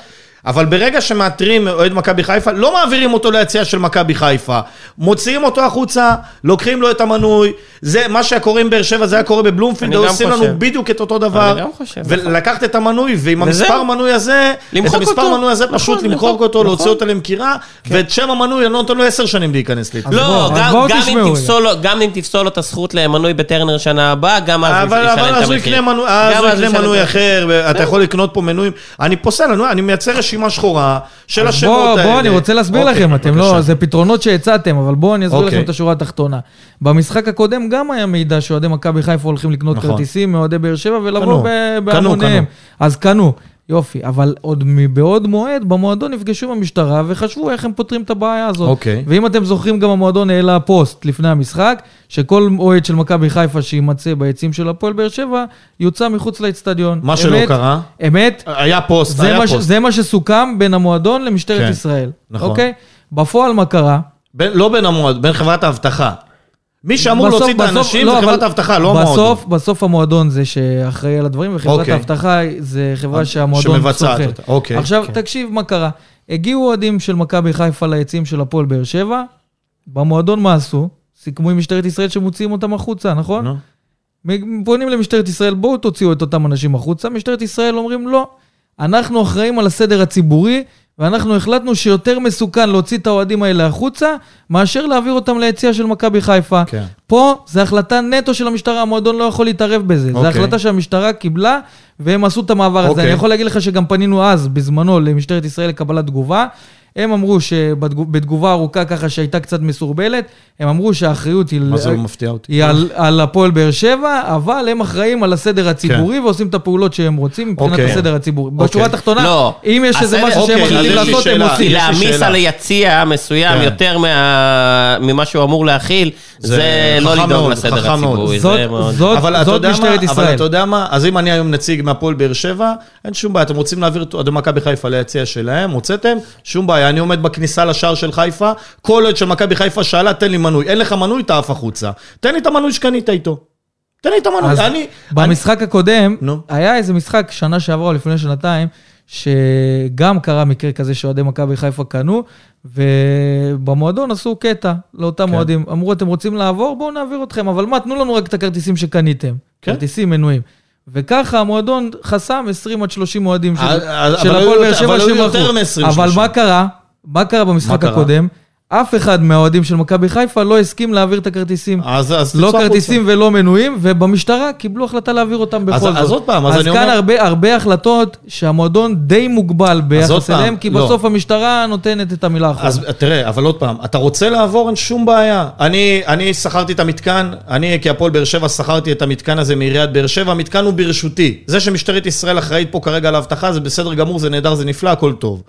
אבל אני, כל אוהד של מכבי חיפה שהחלטתם שאתם רוצים להעביר, אין כן, שום אבל מי- בעיה. אבל מי- מי- את מה? מי תשים אה, לקחת את המנוי? אין לך בהפועל באר שבע אנשי אבטחה ש- שהם אמורים אז לעשות את זה. יש את חברת האבטחה, יש את חברת כן. האבטחה של אלון, שמביא בן אדם שזה התפקיד שלו, בסדר? אחד, שזה התפקיד שלו, לעמוד כל בן למה אתה אדם. חושב שהוא יכול לעמוד מול 50-60 אנשים? לא. אבל, אבל מגיעה שיגאל המשטרה, אבל המשטרה מלווה אותם, רגע, כל רגע. בן אדם, רגע. לא, אדם איזה מלווה אותם? אתה ראית מה קרה במשחק הקודם בטרנר? הייתה נהירה של אנשים. כן, פשוט כן, לקחו, כן. ירדו מהיציע, נהרו, טוב שלא נכנסו לתוך הדשא, נהרו? ועלו ליציע. מה שיגאל. אומר פה, בגלל זה, אני, בגלל זה אני, האחריות שלי למועדון, האחריות של המועדון, אני מוריד אותה לאולי עשרה אחוזים מכל העניין הזה, כי בסוף במשטרה אומרים, אנחנו שומרים על שלום הציבור. ומה הסיבה? הייתה שהם. הסכימו להעביר את האוהדים? כי הם אמרו, אם זה היה אוהד אחד, שניים, עשרה, אז היינו מסתדרים להוציא אותם החוצה, אבל כן. הם כשבאים מסות כאלה... כשיש מסות כאלה, מבחינתם, לעשות את הפעולה הכי קלה והכי טובה מבחינתם זה להעביר אותם הלאה. כשרוצים, כשרוצים לתת לבן אדם דוח על מסכה, יודעים לעשות את זה טוב מאוד, ראינו את זה בתיעודים, לא בטרנר לשמחתי, אבל ראינו תיעודים מטדי, מבלומפילד, מנתניה, שמפוצצים אוהדים מכות בדברים האלה. אז אם רוצים, אפשר לעשות הכל. הם גם יכולים להוציא 300 אוהדים אם רוצים. בשורה התחתונה. מבחינתי, איך שאני רואה את הדברים, לאוהדי הפועל באר שבע יש אחריות. כל, כל אוהד כן. של הפועל באר שבע שמחזיק במנוי, תבוא לעודד את הקבוצה, עדיין יש מטרות להפועל באר שבע להשיג. נכון. זה משחק אה, אה, אחרון מול מכבי חיפה בליגה, אבל יש גם משחק מול מכבי חיפה בגביע. יהיו השלכות. אה, קבוצה מקום ראשון מול קבוצה מקום שני, לא צריך פה, אתה יודע, לוותר מראש ולהגיד, קחו את הכרטיסים ובואו לחגוג לנו בבית. נכון. אתם אוהדי הפועל באר שבע, תבואו לדחוף את הקבוצה, אתם לא רוצים לדחוף, תישארו בבית, אני אגיד לך משהו, אני- לאוהדי מכבי חיפה. זה איך שאני רואה את הדברים, כי לאוהדי הפועל באר שבע יש אחריות, ואם ינהגו- ינהגו באחריות, אנחנו לא נראה את התמונות שאנחנו אה, חוששים לראות תראה. אני חושב שאם באר שבע יעשו בשכל, אם ייתנו את כל היציא הצפוני למכבי חיפה. למה? הסיבה היא פשוטה. קודם כל, תן להם, תן להם יותר כרטיסים. אני בטוח שאם אם זה היה משהו שהיה קורה בסמי עופר והמצב היה הפוך, גם באר שבע היו רוצים לראות יותר כרטיסים, ואני מזכיר לכם שבשנים קודמות, בבלומפילד הישן למשל, היציא הצפוני כולו היה, אני לא כולו בטוח לאוהדי שב- הפועל אני לא. בטוח מה? שבאותו משחק ב-2-1 של משומר היה הרבה יותר קיבלנו- אוהדים לא, של... קיבלנו יותר, אה, יגאל, קיבלנו כן, יותר. כן, יותר ישבתי אז ביציע, משלושת אלפים? כן, בטח. כן. יותר משלושת אלפים? כן, כי- כי היה ביקוש, עכשיו... להערכתי לא, במשחק היה- היה-. היה שש- עכשיו- ש- ששת אלפים לפחות, עכשיו, לפי דעתי. פתחו אולי יותר- פתחו יותר מאחורי השער אולי הדרומי, פתחו יותר. אוקיי. עכשיו, אני אומר, תנו את כל היציע הזה, בעיקר, קודם כל, כי היציע הצפוני זה לא יציע מנויים, זה יציע כרטיסים. תפתחו אותו למכירה לאוהדי מכבי חיפה, תבטלו, המועדון גם יכניס כסף, אוקיי? על העניין הזה, כי, כי אנחנו רואים, הצפוני השנה לא מתמלא. תן להם למלא את הצפוני, תמנע את התמונות המביכות האלה שעוברים, אבל אתה יודע שכל אוהד של מכבי חיפה, שנמצא ביציעים אחרים של אוהדי באר שבע, ומזוהה, הבן אדם הזה יוצא.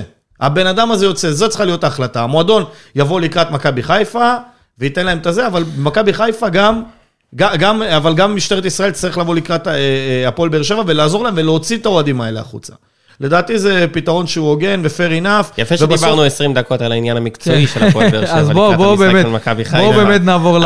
הפרק המקצועי מאוד מאוד חשוב. פה, חלוקת הכרטיסים, כן. עכשיו הוא מסוגל לדבר על זה עוד ארבע כן, וחצי אז שעות. תראה, אז. ברדה יפתח עם 442 כן, בכרטיסים. ברור. כן, שתי מנויים מהכנפיים, שני מנויים מהכנפיים. טוב, מבחינה מקצועית, איך בהפועל באר שבע יצליחו להסתדר בלי מיגל ויטור, שהוא אמנם במשחק מול מכבי נתניה לא המשחק הכי גדול שלו, אבל באופן כללי, לא בלם, שחשוב מאוד להפועל באר שבע.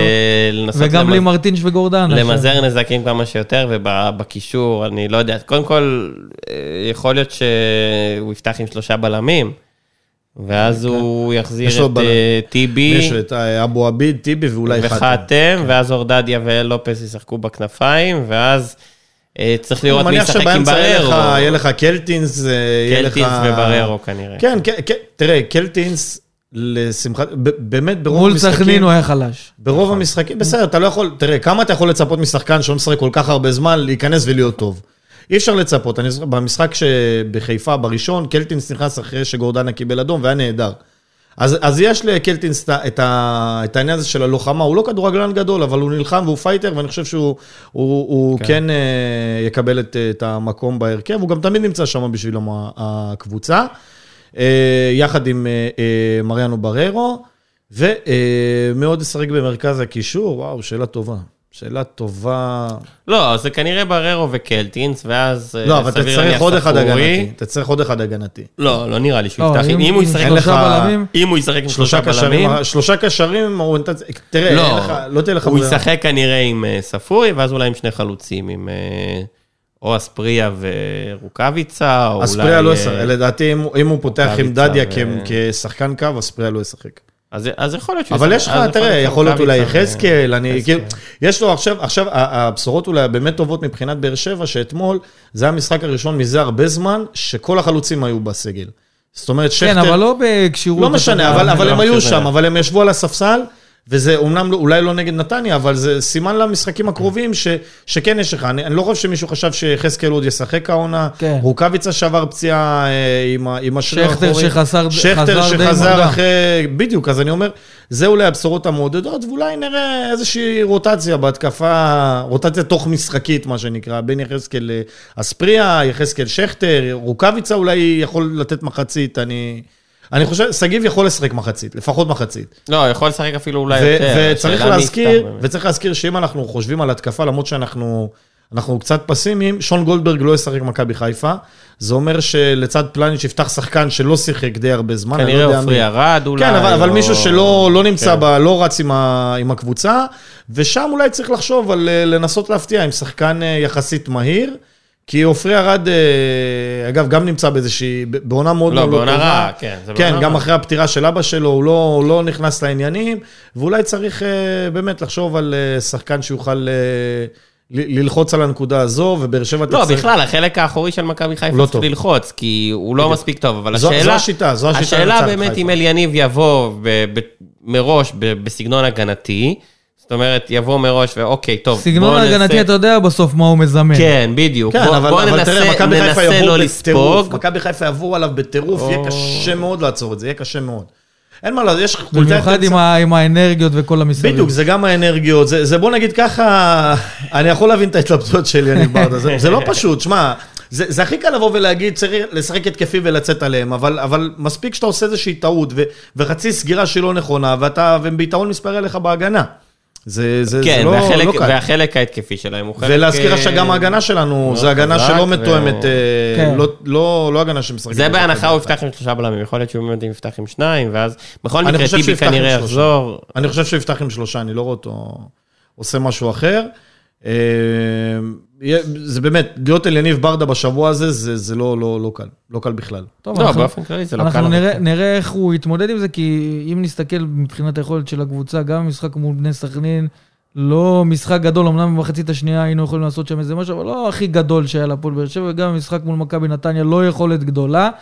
ואנחנו מתקרבים, אתה יודע, לישורת האחרונה של העונה, יש גם את אה, גמר גביע המדינה, צריך לראות גם איזושהי... זה הולך רק לשם, כי מגמת, אחרי כן, שבת... מגמת שיפור גם כי ביכולת אחרי של הפועל שבת זה באר לא שבע. משנה, המשחקים נגד מכבי תל אביב, הפועל תל אביב וסכנין הולכים להיות אה, משחקים, אה, אתה יודע, כדי לתרגל את הסגל ולשמור כן. אותו חי לקראת אה, גמר הגביע, אז אין פה משהו אחר. זה רק אני- להכניס שחקנים ל- לעניינים. זה, זאת פחות או יותר המטרה של... באר שבע אה, סיימה מקום. שני בוודאות כבר? לא, יש את מכבי תל אביב שיכולה לעבור כמה? תיאורטית. כמה? ארבע הפרש, ויש עוד מפגש בין הקבוצות. כן. לדעתי בטרנר יש עוד... אה, יש אבל זה לא משנה, בטרנר. גם כל, לא, כל, אחד. כל אחד מאיתנו אה, מוכן אה, לחתום על אה, מקום שלישי וגביע.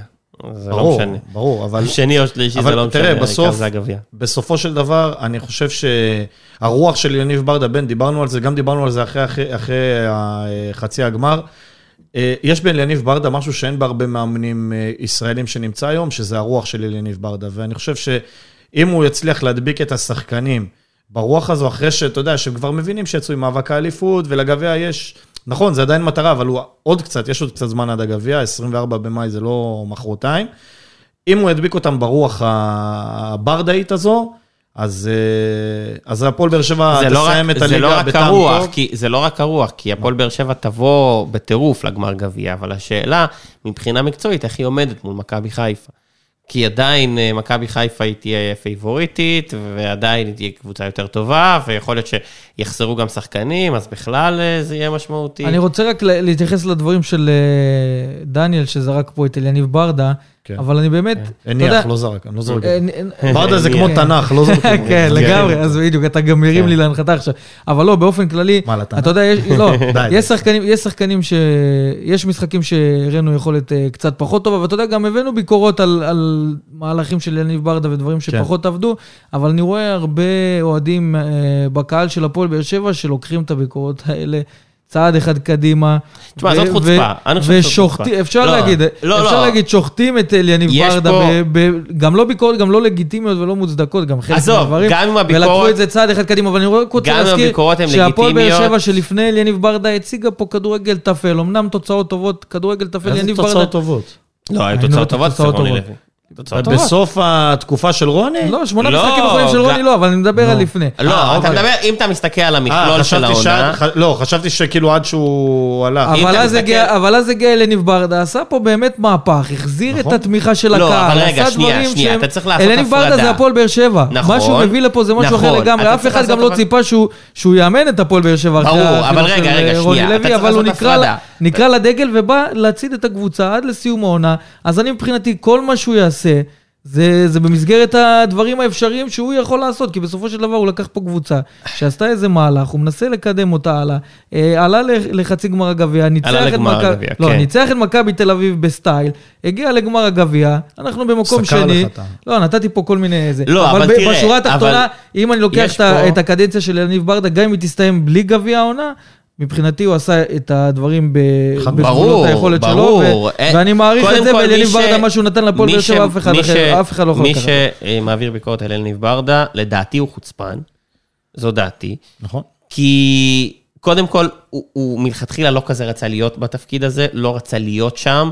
הוא הגיע כבאמת, כמישהו שהוא איש מערכת, הוא המנהל המקצועי של המועדון, הוא ידע שזה או הוא או כנראה כלום, והוא עשה את המקסימום מהמקסימום שאפשר. כי אף אחד לא ציפה ממנו שהוא ייקח אליפות, הוא הגיע לגמר הגביע, גם אם הוא הפסיד את, את, את הגביע, הוא הפסיד את זה למכבי חיפה ולא לבני יהודה, לצורך העניין, או אפילו למכבי פתח תקווה, הוא הפסיד לקבוצה הכי טובה בארץ, ומה ששלו זה, אבל מצד שני, גם אתה לא יכול להגיד שמה שהיה קרה לפני כן לא קרה כלום, והיה פה זה, כי רוני לוי הפסיד שלושה משחקים כל העונה. אלניב ברדה עד עכשיו הפסיד שניים. אה, אה, ב- כן, אבל, בליגה. אבל, אבל תראה, יש מחיר, יש לזה, פה- יש מחיר לזה שאתה רוצה לשחק יותר התקפי, אין מה לעשות. מבחינת מחיר. הכדורגל, אני חושב שלא מעט מהאוהדים של הפועל באר שבע נהנו מהמשחקים של... נכון. אין ספק, זה ברור, וזה- ה-DNA שעליו דיברנו. ב- בסוף, בסוף, ב- ב- בתקופה האחרונה של רוני לוי, בחודש האחרון של רוני לוי, אתה ראית שכבר אוהדים, אוה- אוהדים לא, לא, פשוט, הקבוצה פשוט, אתה יודע, יצא, לה- יצא להם החשק לבוא ולראות את הקבוצה. אני, אני זוכר עונות הרבה פחות טובות של הפועל באר שבע, ש- שהאיצטדיונים גם וסרמיל היה הרבה יותר מלא ממה שהוא היה במשחקים האחרונים של רוני לוי, ו- ו- ואנשים איבדו את, את הכיף שלהם. הכדורגל לא. היה טוב, הכדורגל. נכון, הכדורגל היה גרוע מאוד, מה זה לא היה טוב? אתה- אתה מחמיא שאתה אומר נכון, שלא היה הכדורגל. היה גרוע, נכון. אבל- התוצאות היו, אבל. אתה לא יכול להתווכח בסדר, אבל יגאל. אבל בסוף, בסוף, כדורגל זה גם עניין של דרך, אני... וזה, ותוצאה זה נחמד, אבל תוצאות, אין מה לעשות, סטטיסטיקה אני בסוף רוצה רק. להגיד לכם שאני חששתי מהעניין הזה, שיגיעו אותם אה, ביקורות והזיכרון של האוהדים, של חלק מהאוהדים, יהיה קצר. קצר וגם יגיעו לאליניב ברדה. ההמלצה שלי לאליניב ברדה, ואני חושב שגם הוא הולך לכיוון הזה, זה לא להמשיך לאמן את הפועל באר שבע בעונה הוא לא הבאה, ימשיך. הוא לא ימשיך, ולחזור לא לתפקיד המקורי. עכשיו, דיברו איתנו כמה אה, אוהדים בטלגרם, אוקיי. ושאלו מי יהיה המאמן הבא של הפועל באר שבע. אז לפי מה שאני יודע, כן, אלונה ברקת נפגשה עם סלובודן דרפיץ' עוד אה, ימשיך. לפני סיכם בהפועל חיפה. לפני כמה שבועות, אז רגע, אדון יגאל, אני, אוקיי. אני בונה פה דרמה, והוא... איזה זה- דרמה אתה בונה שכולם יודעים כבר שהוא סיכם כן, בהפועל רגע, חיפה? אז- נשמע עכשיו, אז- אה, רגע, מי שישמע נפגשה עם קלופ. רגע, כן. רגע, כולם ולאחר מכן. לאחר כן. מכן העבירו מסרים בהפועל באר שבע שלא יתעסקו בעונה הבאה, עד אחרי שהעונה הנוכחית תסתיים. אוקיי. וזה יכול להיות, העלה איזה משהו אצל סלובן הדרפיץ' שהתחיל לפזול לכיוון הפועל חיפה. מהמם. במהלך הזמן הזה שאנחנו מקליטים, אני מקבל עדכון מאיש מערכת בהפועל חיפה. סלובו קבע היום פגישה עם יואב כץ כדי לחתום לשנתיים, אבל כנראה שקיבל מסר מבאר שבע להמתין, אז הוא ביטל את הפגישה. אוקיי, יכול להיות אוקיי. שגם סלובו דנדרפיץ' אז, אה, נמצא על הכוונת של הפועל באר שבע, והדברים אני- די אני די פתוחים. בטוח שסלובודן דראפיץ' נמצא על הכוונת של הפועל באר שבע. ברור, אין לי ספק. וגם הוא צריך להיות על הכוונת של הפועל באר שבע. מאמן, מאמן מעולה. כן. הוא מאמן מאוד וגם- הוא מאוד מאוד underrated. וגם בן אדם טוב, וגם כן. מישהו שיכול להתחבר פה ל- למערכת, בניגוד אולי לאחרים. אני אגיד לך משהו, אבל אני... לפני חצי דקה מה הוא אמר? סגור בהפועל חיפה. אבל אבל לפי מה שאתה אומר. לא, אבל אני יודע אתה אמרת משהו אחר, כן. תראה, אני חושב שאם אנחנו הולכים על אה, דרך השלילה, כמו שאוהבים לעשות במבחנים אמריקאים, אנחנו יודעים שבאר שבע לא, לא יהיה פה צוות זר. לא יהיה. לא יהיה צוות זר. אנחנו יודעים שיש, רן בן שמעון כנראה לא יהיה פה, נכון? או שרן בן שמעון שלא. גם- עדיין גם אופציה. כנראה שלא. כנראה שלא. אוקיי, אז אנחנו, אין לך, ב, ב, אין קאדר לך של מאמנים. שאתה יכול אין להגיד, לך כל הרבה אלה מאמנים שאתה. יכול להביא. אני חושב שדראפיץ' מאוד מאוד ראוי אה, להזדמנות לאמן את הפועל באר שבע. אני חושב שהוא גם מאוד מתאים ב- בתפיסה שלו, של לשחק התקפי למה שאליניב ברדה רוצה לראות, ובסוף קבוצה צריכה להיות... ב- אנשים, אתה יודע, מסתכלים על מאמן מקצועי, צריכים לדעת שמאמן מקצועי זה לא מנהל בבית ספר או מורה לספורט. זה, זה, זה בן אדם שהוא מתווה את המדיניות של המועדון ואיך המועדון צריך להיראות מקבוצת הילדים ועד לבוגרים. עכשיו, ברגע שאתה מביא מאמן שהוא נוגד את האג'נדה שלך בבוגרים, זאת אומרת, אתה מביא מאמן כמו רוני לוי, שהוא מאמן עם תפיסה מאוד הגנתית, אז אתה בעצם שובר פה את כל מה שהמועדון רוצה לראות ומה שהמועדון מעביר במסרים שלו לאוהדים. ואתה חייב להביא מאמן שיתאים לאג'נדה הזו. מי, מתאים היום לאמן את הפועל באר שבע? דראפיץ', ויש עוד שם שאולי, אני לא יודע אם אתם תאהבו או לא, זה מי שניצח אותנו אתמול 3-0, שלוואי ו- וחותם שנה הבאה בהפועל. אני לא, חושב אני לא שבני לם, אחלה כל, מאמן הוא עושה- עבודה נהדרת. רק שאני מקווה שלא ישימו לו צעיפים של נתניה כמו אחרים. עזוב, נו, יתחיל לבקש קיר אדום, טיח צהוב, עזוב. אחלה בני היה. לא. הוא אחלה, אבל אני חושב שהוא סוג של יוסי אבוקסיס. שהוא מאמן שיכול באמת להצליח בקבוצות קטנות, יתקשה מאוד בקבוצות גדולות. אי אפשר לדעת, גם דראפיץ' אבל אתה לא יכול לדעת. ברור, אבל אני דראפיץ', אבל דראפיץ' כבר אימן במועדונים בדיוק, גדולים. הוא אימן בביתר. אה, אבל, ביתר לא בא עם. בוא, נגיד. דראפיץ' לא רץ לאליפות מתישהו. הוא לא רץ לאליפות, אבל אני חושב שדראפיץ' ראוי להזדמנות הזו. דראפיץ' ראוי. כמו, ואם אופיר חיים, למשל, דיברנו על זה בפרק עם אופיר, שאופיר ראוי לאמן את הפועל באר שבע, אני חושב שדראפיץ' אפילו יותר ראוי, כי דראפיץ' יש לו קילומטראז' קצת יותר ארוך כן. אה, באימון, ואני מקווה מאוד ש... טוב, בואו, בואו ננווט לכיוון הישורת האחרונה של הפרק הזה. אז uh, עוד משהו ששאלו אותנו ככה האוהדים, זה איך אנחנו רואים אגב, את ה- שנייה רגע, מכבי ההכנות. חיפה ניצחה 2-0. אנחנו, צריך להגיד שהדיון, אנחנו מקליטים אותו ערב המשחק כן. של מכבי חיפה. אה, זה אומר שאם מכבי חיפה שבוע הבא תעשה בטרנר תיקו, מספיק לה לאליפות? בעיקרון זה יהיה תשע, וכשתשע בקופה, כן. אבל עם הפרש שערים כל כך לא, אה, הרבה ת- יותר טוב, כן. אז... אה, בוא נגיד כל די- תוצאה מאשר ניצחון של הפועל באר שבע, מכבי חיפה שבוע הבא בחגיגות. לא, אז, אה, אה, תשע זה יהיה- זה עדיין לא יהיה לא, ב- נעול, חתום וגמור, אבל כן. אז זה יידחה שבוע, אבל... אה, זאת המטרה, כי זה ברור שמכבי חיפה תיקח אליפות, אבל אוקיי. המטרה שזה יידחה שבוע, זה... טוב, אז אנחנו- מה, מה ש... אנחנו קוראים- אנחנו קוראים לכל אוהדי הפועל באר שבע לבוא ולתמוך בקבוצה שבוע הבא. בוא, תמשיך בן, סליחה שקטעתי והאוהדים. ששאלו אותנו איך אנחנו רואים את ההכנות של הפועל באר שבע צריכות להיות לקראת העונה הבאה, זה מבחינת שחקנים שיישארו, יעזבו, נעשה את זה בקצרה, כי אוקיי. אנחנו עוד נסכם את העונה, אבל אני מבחינתי, מלבד אה, מיגל ויטור שהוא כבר לא זר, אז בואו נוציא אותו בשבועיים, כן, אפשר להגיד, כן, כן, אולי ישראל- מלבד מרטינש, אה, אנחנו מדברים על הזרים? על הזרים, אולי אוקיי. מלבד מרטינש, כל השאר מבחינתי, צריך לחשוב על אופציות להתחזק בהם, כי גם לופז, אני לא רואה אותו משדרג לא משמעותי. צריך לחשוב על אופציות להתחזק בהם, צריך להגיד להם תודה. תודה. אה, אספריה, אנסה. אנ- אנחנו מודים לכם על התרומה למועדון ומאחלים לכם הרבה ולעשות הצלחה להם בדרך אה, הבאה. שלט אה, טים אויבך כזה, כמו בנתניה. כן. להזמין אותם מתישהו. כולל אחד שאמור לחזור בעונה הבאה, וזה אלטון הקולצביץ'.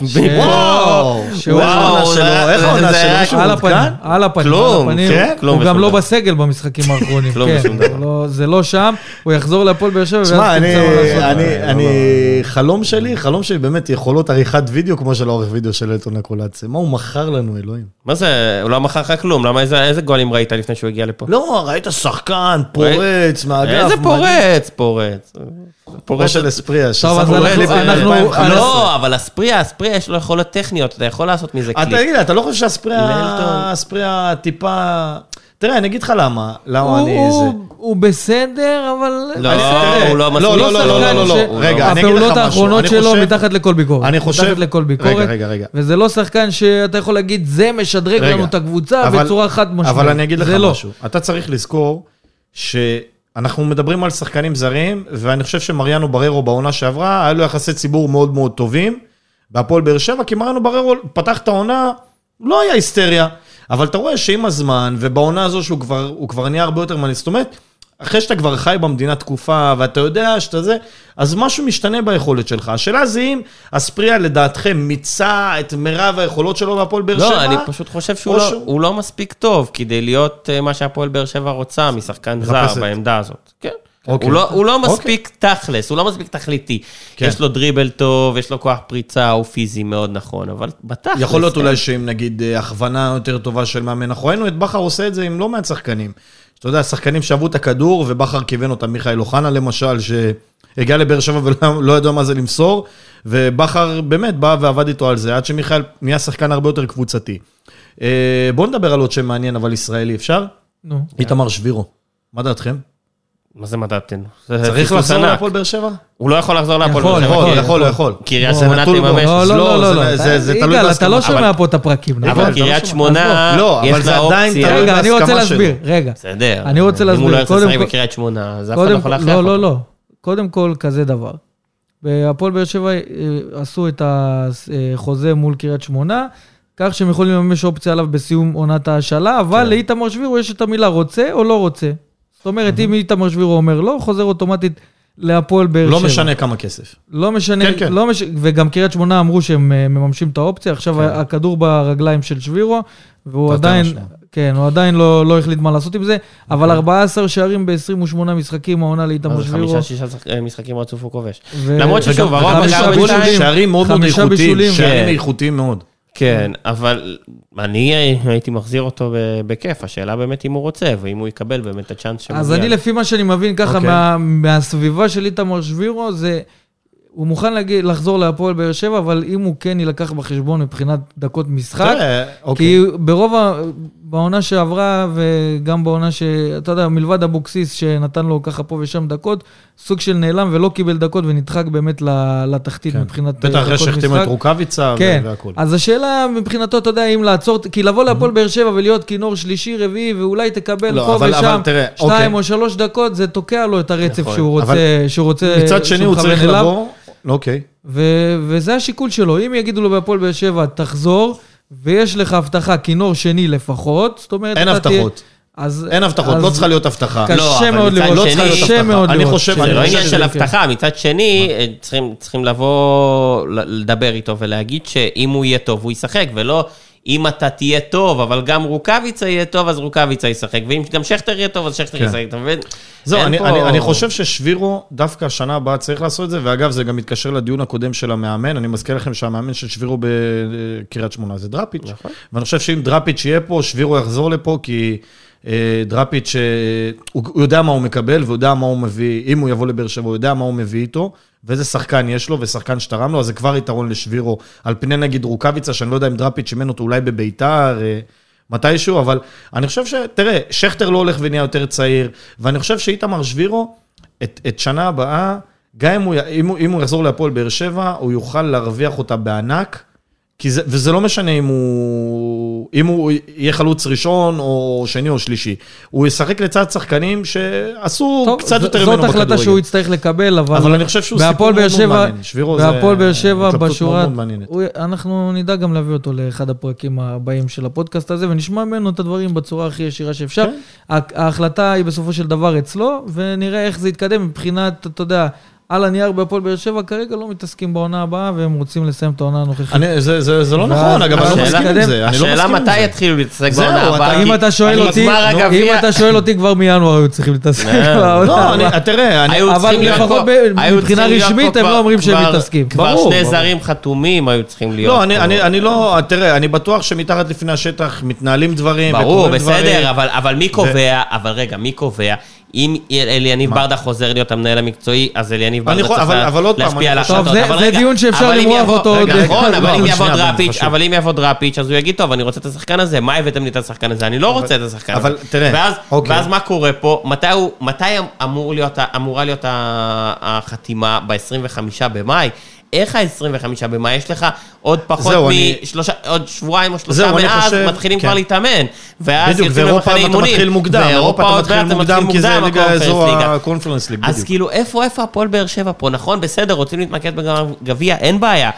אבל תחתימו תראה, שחקנים, זהו, תחתימו אז- מאמן, תראו זהו, מה אז, קורה. אז אני אגיד לך מה. אליניב לא אני חושב ייפגע. שבגלל, בגלל, ברור שהוא לא ייפגע, הוא לא רוצה להיות נכון, מאמן. זה אליניב לא רוצה. להיות מאמן. גם אם הוא אומר, אני מתלבט, אליניב לא רוצה להיות מאמן, נקודה. אני חושב שזה אני גם בטוח נכון שמשפחת מבחינתו. ברדה, משפחת ברדה לא רוצה שהוא יהיה מאמן, לא אדווה ולא, ולא המשפחה, לא רוצים שהוא יהיה מאמן הפועל באר שבע, וזה בסדר גמור והכל ברור. טוב. בגלל שקריית שמונה סיימו, איבדו עניין בליגה, אין שום בעיה, אנחנו רואים, את, אנחנו רואים בליגה הלאומית שחדרה כבר הודיעה שניר ברקוביץ' הולך להיות מאמן שלהם, כשניר ברקוביץ' במאבקי העלייה, אה, עם נס ציונה על העלייה. אבל עזוב, אלה לא הדוגמה, נגיד, לא, אתה מדבר, אומר- לא, אתה רגע, מדבר שנייה, אירופה, רודיגר אומר- כבר חתום בריאל מדריד. בדיוק, יש לך שחקנים. כבר שזה, אמבפה כבר לא, אבל אני אומר, אני אומר שאם, שאם עושים את זה ככה, אז קל וחומר שבקבוצה שלא מתחרה על כלום, כן. אתה יכול לעשות בואו את זה. נסכם את זה ככה, שלמועדון צריכה להיות אסטרטגיה למה אתה מנסה מסודרת. לסגור את השידור? כיף לנו. לא, אנחנו כבר, אז תראה מה? כמה זמן אנחנו...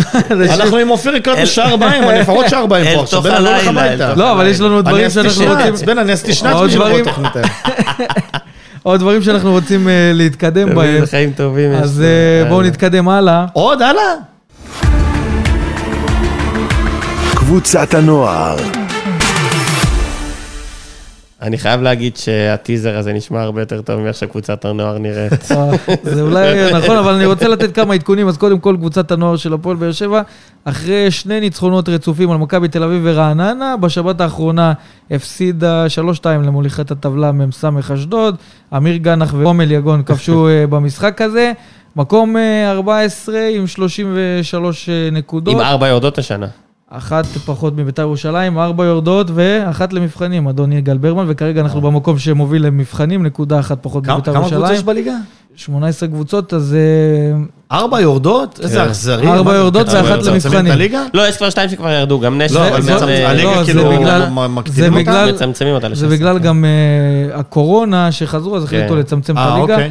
אז המצב של הפועל באר שבע כרגע, היא נמצאת במקום שמוביל למבחנים, כשיש עוד ארבעה מחזורים לסיום העונה, כן. ורוב המשחקים של הפועל באר שבע זה מול קבוצות שמתמודדות איתה פחות או יותר באותם מיקומים, אבל אני רוצה לשתף אתכם שדווקא במשחק מול מכבי תל אביב, בניצחון 1-0, משער של אה, אריאל אלמלם, שיגאל ברמן מכיר אותו טוב, כי אנחנו... אה, מהטורניר. כן, ב-2017 אמיר, אני חייב גם את אמיר לשתף. אותך, שב-2017, גאנה, אה, היית? נכון, נכון, אז בואו נשתף את המאזינים שב-2017 יגאל ברמן צירף אותי, כן, לספורט, לא לאלימות, תוכנית של אה, אה, טורניר, כן, של כיוונים, כן. טורניר נוער, שבאמת מרכז לא מעט מהשחקנים, מהנערים בבאר שבע ונותן להם רגע, אם מסגרת. שומעים אותנו במס הכנסה, חבר'ה, הכל עם תיאום. כן? הכל עם תיאום.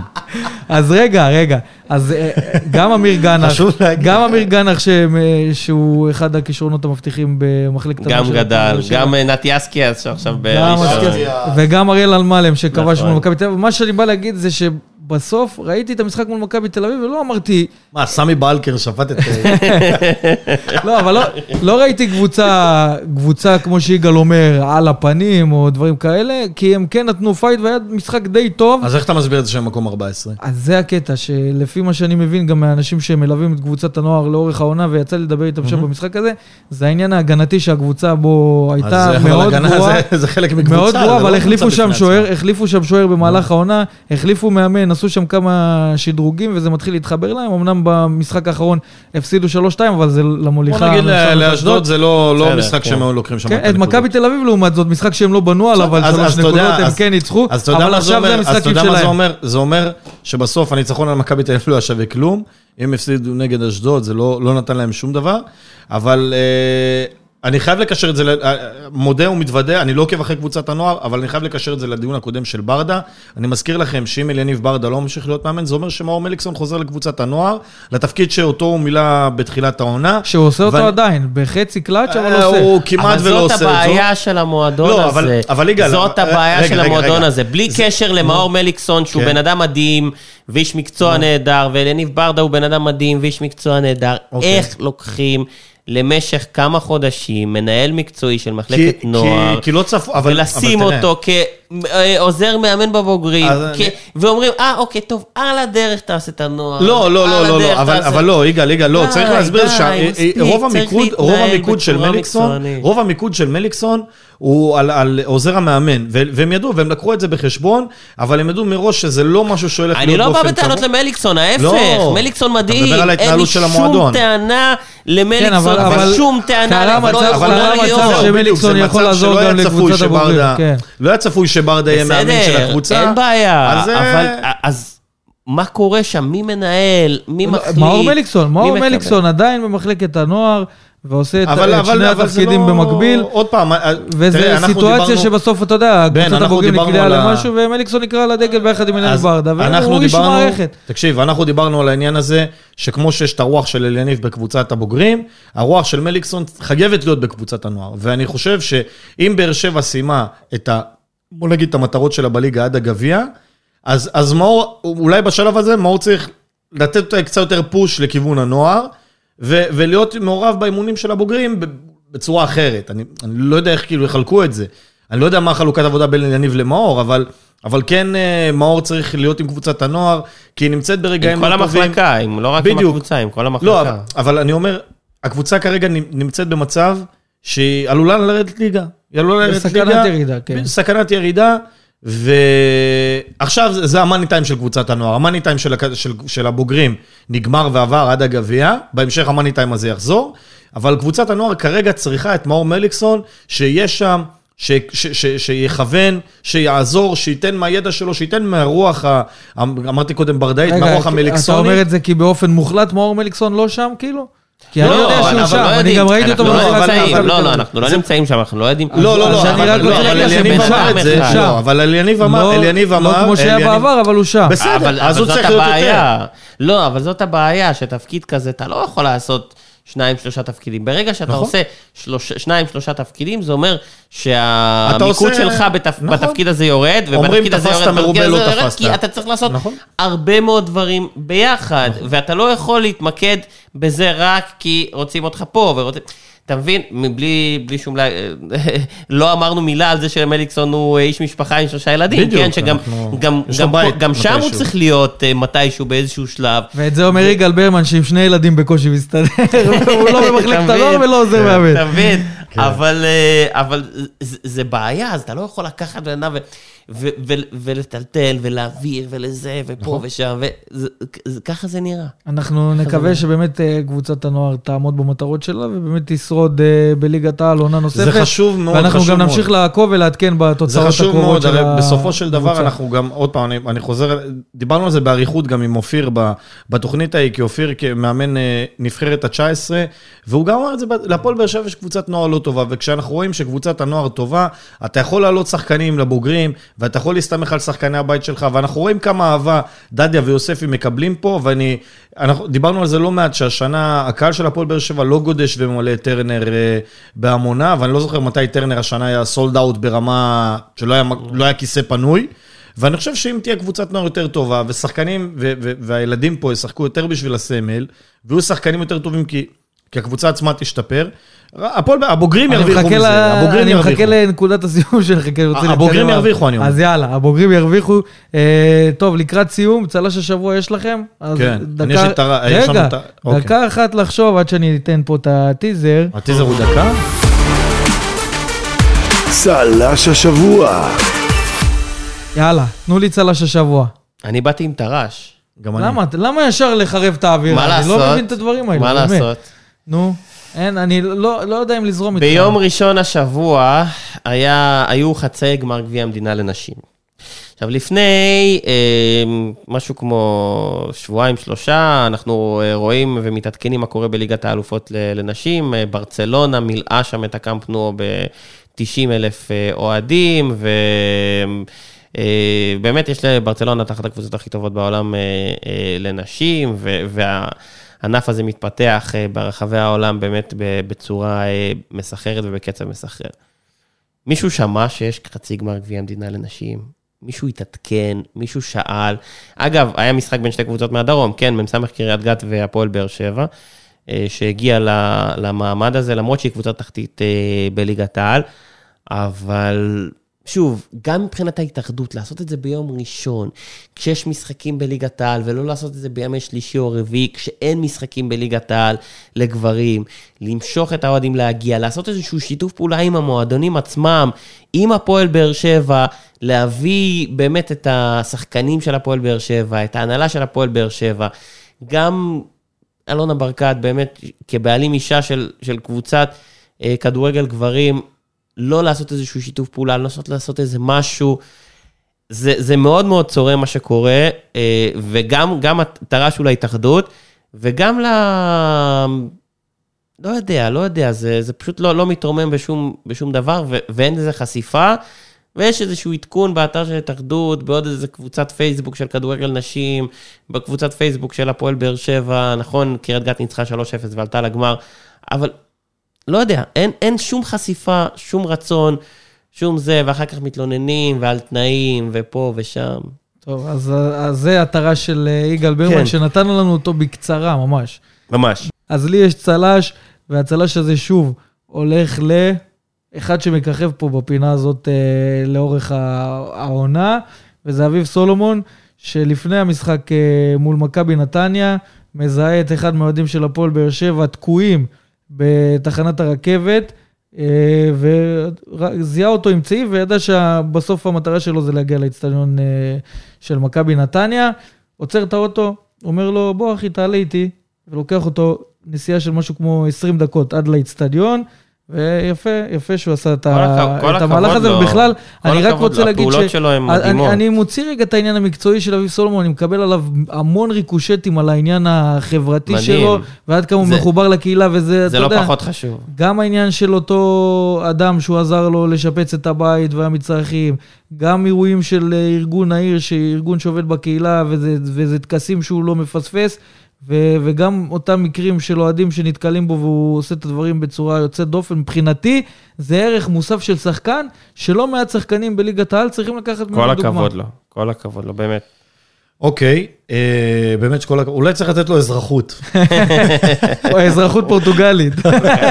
זהו, נגמר הדרכון הפורטוגלי. כן. עשית בסוף? לא, תן לנו צל"ש, דניאל. טוב. אז אה, צל"ש השבוע שלי, אני אמשיך את מה שברמן אמר לגבי הכדורגל נשים. האמת, אני חייב להגיד לכם, אני לא מוצא את השם שלה, אבל אני אברר את זה. השוערת של מכבי באר שבע נשים. עכשיו, איך הגעתי לעניין הזה? אה, בשבוע שעבר הזדמן לי לצלם את משחק העלייה של הפועל קטמון אה, נשים. ניצחו 4-1 את מכבי באר שבע. השוערת של מכבי באר שבע נשים שיחקה עם כתף פרוקה. וואו. שיחקה עם כתף, עם יד אחת, כל המשחק שיחקה עם יד אחת, בזמן שלא תקפו אותה, היא הלכה ככה, החזיקה את. היד, החזיקה את היד ונתנה הצגה. היא קיבלה ארבעה שערים, אף אחד מהם לא באשמתה. ולא הייתה שוערת מחליפה? לא הייתה שוערת מחליפה, אמרו לה, תקשיבי, המאמן של הקבוצה בא אליה במהלך המחצית הראשונה, היא זינקה ונפלה על הכתף, עצרו את המשחק לכמה דקות, ואמר לה, תקשיבי, תצאי, אני אכניס את אחת הבנות שתעמוד בשער. אמר לו, לא, אני לא רוצה, אני לא רוצה, אני ספורטאית עד הסוף. ובאמת, ישבתי לא רחוק מה... מה גם אין, אין רעש, אתה שומע את, ה, אתה שומע את השיחה הזו בין, ה, בין המאמן ל- לשוערת, שחקניות מהקבוצה היריבה שבאות אליה, את בסדר, ו... ו- וזה היה כל כך יפה, ואת הרוח הספורטיבית הזו, ובאמת, אני אמצא את השם שלה, אני אאתר את זה, ואנחנו ב- בפודקאסט, אני רוצה שתכניס את זה, את השם שלה, אבל שאפו ענק. הלוואי ו... יפה. יפה מאוד. הלוואי ואנחנו נראה עוד אה, דברים כאלה. אהבתם את הפינה? כן. אז בואו ניתן יש לי גם טיזר טרש, אפשר סגירה. גם טרש? יש לך טיזר של טרש? צל"ש השבוע. טוב, אתם יודעים מה שכחנו ב- לקראת המשחק מול מכבי חיפה? זה? להמר, זה להמר, ולא הימרנו, אז קבלו. פינת ההימורים. יאללה, דניאל, שטויות. no more bet. מה? אז לא, הימור. לא, זהו. לא, הוא מהמרים? מפחד, הוא חושש. מה, מהמרים? תהמר 2-1 תוצאה. למכבי חיפה. ברמן? אני, לצערי אני אומר את זה, 2-0 לצערי. מכבי חיפה. 2-0 מכבי חיפה? בן בודה, תן לנו אני תחזית לא הולך אופטימלית. על אחת-אחת. אחת אחת? אחד כן. אחד בסדר. לא אחת-אחת, סולידי, ואני ו... אני וברמן בכל היציאה אחרי המשחק רוצים כמה שפחות, אתה יודע. אנחנו לא יודעים גם איזה אוהדים יעלו, כי יכול להיות שיש שם רוב של מכבי חיפה, אז כן, פתאום התקשרו אליך כל האוהדים של מכבי חיפה, רוצים כן. לחגוג אליפות לנו בודה, על תעלה הראש. אותי, תעלה אותי, אבל לא. אה, אה, לא. אנחנו נקווה שאוהדי הפועל באר שבע לא ימכרו מנויים, תבואו לעודד את הקבוצה, זה חשוב, יש לנו עוד אה, דברים לעשות, וזה אחד מהמשחקים שבדרך למטרה העיקרית של העונה הזאת אוקיי. אה, של הפועל באר שבע. אז אה, ככה, לסיום, אני רוצה להודות לך, דניאל כהן, ידיעות תקשורת. תודה מה, נגמר. כבר? אנחנו לא בשעה וואו, 40. זה היה, זה נגמר, היה, כן, נגמר. נגמר. עבר מהר, אבל נגמר. זה תודה רבה, היה לי דניאל טרש, כהן. חבל, היה לי טרש טוב. לא צריך לשמור אותו ל- לפעם הבאה. לפרק אחר. יגאל ברמן, רדיו איך אתה דרום. מסכם את ההופעה של ברמן? תוכנית אה, ראשונה? האמת שאני כבר לא יכול לראות אותו אחרי כל היציאה, קיבלתי אותו גם פה, אתה מבין?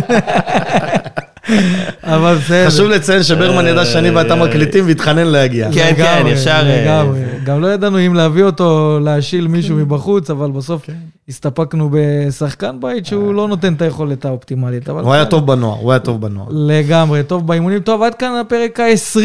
וואו. 20 פרקים לבשרמיליה פודקאסט, אנחנו נשתמע. בפרקים הבאים. תודה רבה לכם, חברים. וסרמיליה פודקאסט, פודקאסט האוהדים של הפועל באר שבע.